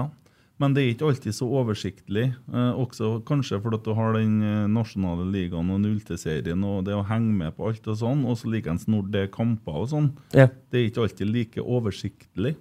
Der kan det hende at man kan rydde opp litt på kanskje nettsida, eller noe sånt, sånn at det blir tydeligere. Ja, absolutt. Tenker du informasjon i forkant eller etterkant? Ja, Fordi for, før kamp. Før kamp. Så det går an å feire og se på. det. Prøve Ja. å Men nettsida tenker du er viktig, for vi legger ut på Jeg vet vi er blitt eh, bedre på det med, på, på Instagram og sånn. Ja. Men, men det er kanskje ikke nok til å få opp Det alle. kommer ikke opp, til, å- kommer ikke opp først til meg, i hvert fall. Men jeg kan Nei. jo trykke på favoritter på det. Men det var Ja, bare men det er et godt forslag. Ja, bare Ja. Det er noen ganger at jeg ser det på sånne Facebook-grupper. Sånn så, Oi, der var det en kamp òg. Ja, det var faktisk senest i går så var det noen som la ut at det faktisk gutter 16 i dag. Eh, Da satt man og snakka om eh, Rosenborg 2 oppe i Rana. Riktig. Som, ja. Da bruker vi anledningen til å si at det er kamp nå NM. Viktig kvartfinale mot Ålesund på søndag. Ja. Klokka tolv på Salmarvann. Ja, klokka tolv. Da kan du, kan du starte dagen da. da. Så har du en lang dag på Lerkendal. Ja, det er, og det er jo artig å se de lagene. Jeg var jo så Rosenborg-Bodø-Glimt her. eh, Hva var det, gutte 18? Det var den nasjonale liga, det var ikke det? Ja, det stemmer. Nå i forrige uke, eller hva det var? Ja, Vi spilte både 16 og 18, men den, den var du så, 18, kanskje var 18. ja. 18. 2-2-kampen? Ja, det var den kampen jeg så. så det er jo gode eh, spillere, ikke sant? Og det er prestasjoner innimellom på begge lagene. Og der var det jo to lag som spiller sånn Samme. som jeg vil at uh, Likt. De spiller ganske likt, da. Ja, ja. Så um, men det er, jo, det er jo klart at dem, uh, den med det skarpe øyet vil jo se at her er det faktisk noen som kan bli spillere og spille ut på Lerkendal. Altså. Mm. De bare trenger å gjøre de rette tingene sjøl, selv, selvsagt. Og de må påvirkes litt her og der, og så må de ha litt flaks. Og så må vi ikke minst jobbe godt med dem eh, på en strukturert måte fra, fra klubbsida òg. Mm. Ja, det, det gror godt i Rosenborg eh, for tida. Det gjør jo det. Det kommer mye bra. Mye morsom underholdning. Og ikke minst på Rosenborg eh, kvinner, som spiller Champions League-kvalifisering mot Real Madrid om noen dager. På Lerkendal. 21. 21., ja. Det blir spennende. Ja da. Det er fantastisk eventyr, det som skjer i kvinnefotballen generelt, i norsk kvinnefotball, og ikke minst med trønder som er Rosenborg, da, som har med en gang inntatt en posisjon eh, helt opp mot toppen i, i norsk kvinnefotball. og det, det er ikke en selvfølge. Det er ikke bare å bli kalt Rosenborg, så klarer du det. liksom. Så det har gjort en god jobb i den klubben òg. Mm. Ja. Og de spiller hvilken formasjon? Ja, de spiller vel 4-2-3-1, de. Ja, gjør de det, ja? Ja. Noen vil jo kalle det en skeiv 4-3-3, men de spiller sånn, ja. ja. Og så har de en uh, spillestil også som er en plass imellom. Uh, sånn som den Rosenborg-filosofien i utgangspunktet var, og det, det Rosenborg spiller i dag. Mm. En plass imellom der. Ja. ja. Nei, men jeg tror vi har kommet rundt nå. Er det noe du har ønska å ha med, Sarmed, før du skal være og trene eh, våre unge håpefulle? Nei, uh, egentlig ikke. Uh, Nei. så føler at vi har vært innom ganske mye og ganske bra. Så, Ja. Det, hvis du skal være herre og jogge, så rekker du 21 km i hvert fall. så Svein er fornøyd? Ja da. Jeg, jeg vet ikke om jeg fikk- sagt det, for jeg er jo en del på Lerkendal og ser jo først og fremst A-laget, men jeg er jo nedom og besøker og kikker litt. og Jeg ser jo at det gjøres mye bra på akademiet. altså. Eh, det er dyktige folk der, med fin blanding. Sant? For vi, det er også glemt å si det at det å jobbe med altså det å ha trenere som har erfaring fra seniorfotballen, og jobba med voksne folk over eh, seniorfotballen over tid, er viktig. da. Mm. Og det, også, Den blandinga er jo fin i Rosenborg nå. Det, det er litt uh, spillererfaring, akademisk erfaring, og også fra akademisk erfaring fra skoleverket. Mm. Det Pedagogisk bakgrunn er viktig. Og um, da um, eh, trenere som har vært lenge i, i seniorfotballen, på ulike nivå. Arnstein har jo sant, har jo vært i hælene på Nils Arne i mange år i Orkla og trent seniorlaget der både med han og uten han. Mm. Uh, var jo to år som eh, medtrener i Eliteserien og fikk er, viktig erfaring der. Um, og, og er jo nå i akademiet og jobber. Sant, ja? Og Nils Petter, som også fikk et ha- lite halvår i Ranheim, han òg, vet du. Mm. I en mannsalder i, på Verdalen i andre på- divisjon. På Verdalen, sånn at, eh, og det her er voksne altså det er voksne gutter, skal jeg voksne manner, som også er viktig det, for de yngre. altså Ha den voksenhet inn. Mm. Eh, for det, og det er det på skolen òg, det. Sant, ja? Absolutt. Sånn at um, det skaper, er med å skape en form for trygghet, det òg. Mm. Og så er det de her energibuntene vet du, med Sarmed eh, har vi jo hørt her. Og Alex da, Tettin er jo veldig Og han får jo gode skussmål. Absolutt. At man har tatt det med storm i trenerkarrieren. Ja, det er ikke noe selvfølge, det. Eh, over. Proffspiller. Og så Han tror jeg kommer til å holde på. ikke sant? Og Christer har jo sin bakgrunn som har drevet der. Og, ja. Peder Linsetmo, som er fysisk trener og medisinsk koordinator skal vi si, for akademiet, som er ung og lovende har en del erfaring fra Lillestrøm og Strømmen. Og, som er som er, har et fantastisk altså er engasjert i det han gjør. Og, Så det har skjedd noen hevnværinger som jeg absolutt har eh, tenkt å mene alvor med det her, og som er med å påvirkes på en veldig bra måte. Så det, det er sånn som jeg har sett det med de dryppene fra sida. Mm. I og med at det skal handle om det. Og litt for sjelden så er jeg litt sånn Litt for sjelden, syns jeg, så blir Rosenborg bedømt på en sånn nøktern, eh, nøytral måte. Enten så er det folk som ikke følger med i hele tatt. De bare ser noen resultater langt unna en plass. Eller så er det de sjøl som må svare på ting. sant, ja? Så det litt, blir litt for sjeldent eh, Nå snakker jeg om akademiet nå. Ja, jeg forstår. A-laget ble mer enn å kommentere både fra ene og andre holdet, men akademiarbeidet. Så det kan jeg si som litt nøytral. da. Fra utsida så ser det ut som man er på vei et sted, og så er det fortsatt mye å gå på. Mm. Det var positivt ment, jeg da. Ja, ja, man virkelig man gjør veldig mye bra. Mm. Og så er det fortsatt uh, Og man har alltid sikker for å bli bedre, Ja, for, ja, men skal ikke bare bli ikke være bedre. tilfreds, men- skal ikke bare bli bedre, for at det skal bli best. ja. Rosenborg skal ha det beste akademiet i Norge. Ferdig, punktum. Mm. Det er ingen grunn til noe annet enn det. Og det er ikke fordi at historien viser eller noe sånt, men har alle forutsetninger til å være best. Mm. Man har det. Man må ikke glemme at uh, Trøndelag er nummer én i verden på produksjon av uh, talenter i alle idretter. egentlig. Det, det er nettside om det. Man kan faktisk søke på og se antall medaljer vunnet av Trøndelag. Det er verdenstoppen. det. Best Så i alt. Best i alt. Mm. Det er bra utgangspunkt, det. Ja. Ja. Mye kompetanse. sant ja? Mm. Så Der òg er en ting. altså, Bruker man den godt nok, Olympiatoppen, eh, og norsk toppfotball, som har eh, fotballkompetanse på høyt nivå, osv. Mm. Veldig bra. Da tror jeg vi har eh, kommet helt i rundt. Det har vært en eh, lang episode, men eh, med mye innhold. Så får vi vel sikkert lese om hva folk syns om det på Twitter, tenker jeg. Tusen takk, Sarmed, og tusen takk, Svein. Tusen Takk takk. Da snakkes vi.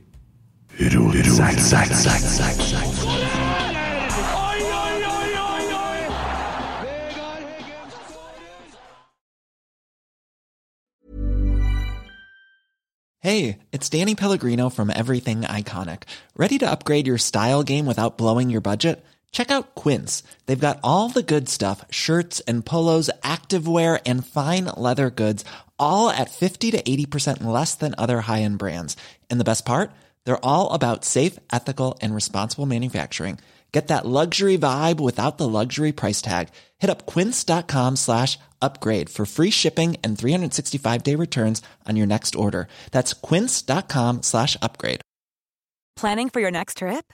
Elevate your travel style with Quince. Quince has all the jet setting essentials you'll want for your next getaway, like European linen, premium luggage options, buttery soft Italian leather bags, and so much more. And is all priced at 50 to 80% less than similar brands. Plus, Quince only works with factories that use safe and ethical manufacturing practices. Pack your bags with high-quality essentials you'll be wearing for vacations to come with Quince. Go to quince.com/pack for free shipping and 365-day returns. Mom deserves the best, and there's no better place to shop for Mother's Day than Whole Foods Market. They're your destination for unbeatable savings, from premium gifts to show-stopping flowers and irresistible desserts. Start by saving 33% with Prime on all body care and candles. Then get a 15-stem bunch of tulips for just $9.99 each with Prime. Round out Mom's menu with festive rosé, irresistible berry chantilly cake, and more special treats. Come celebrate Mother's Day at Whole Foods Market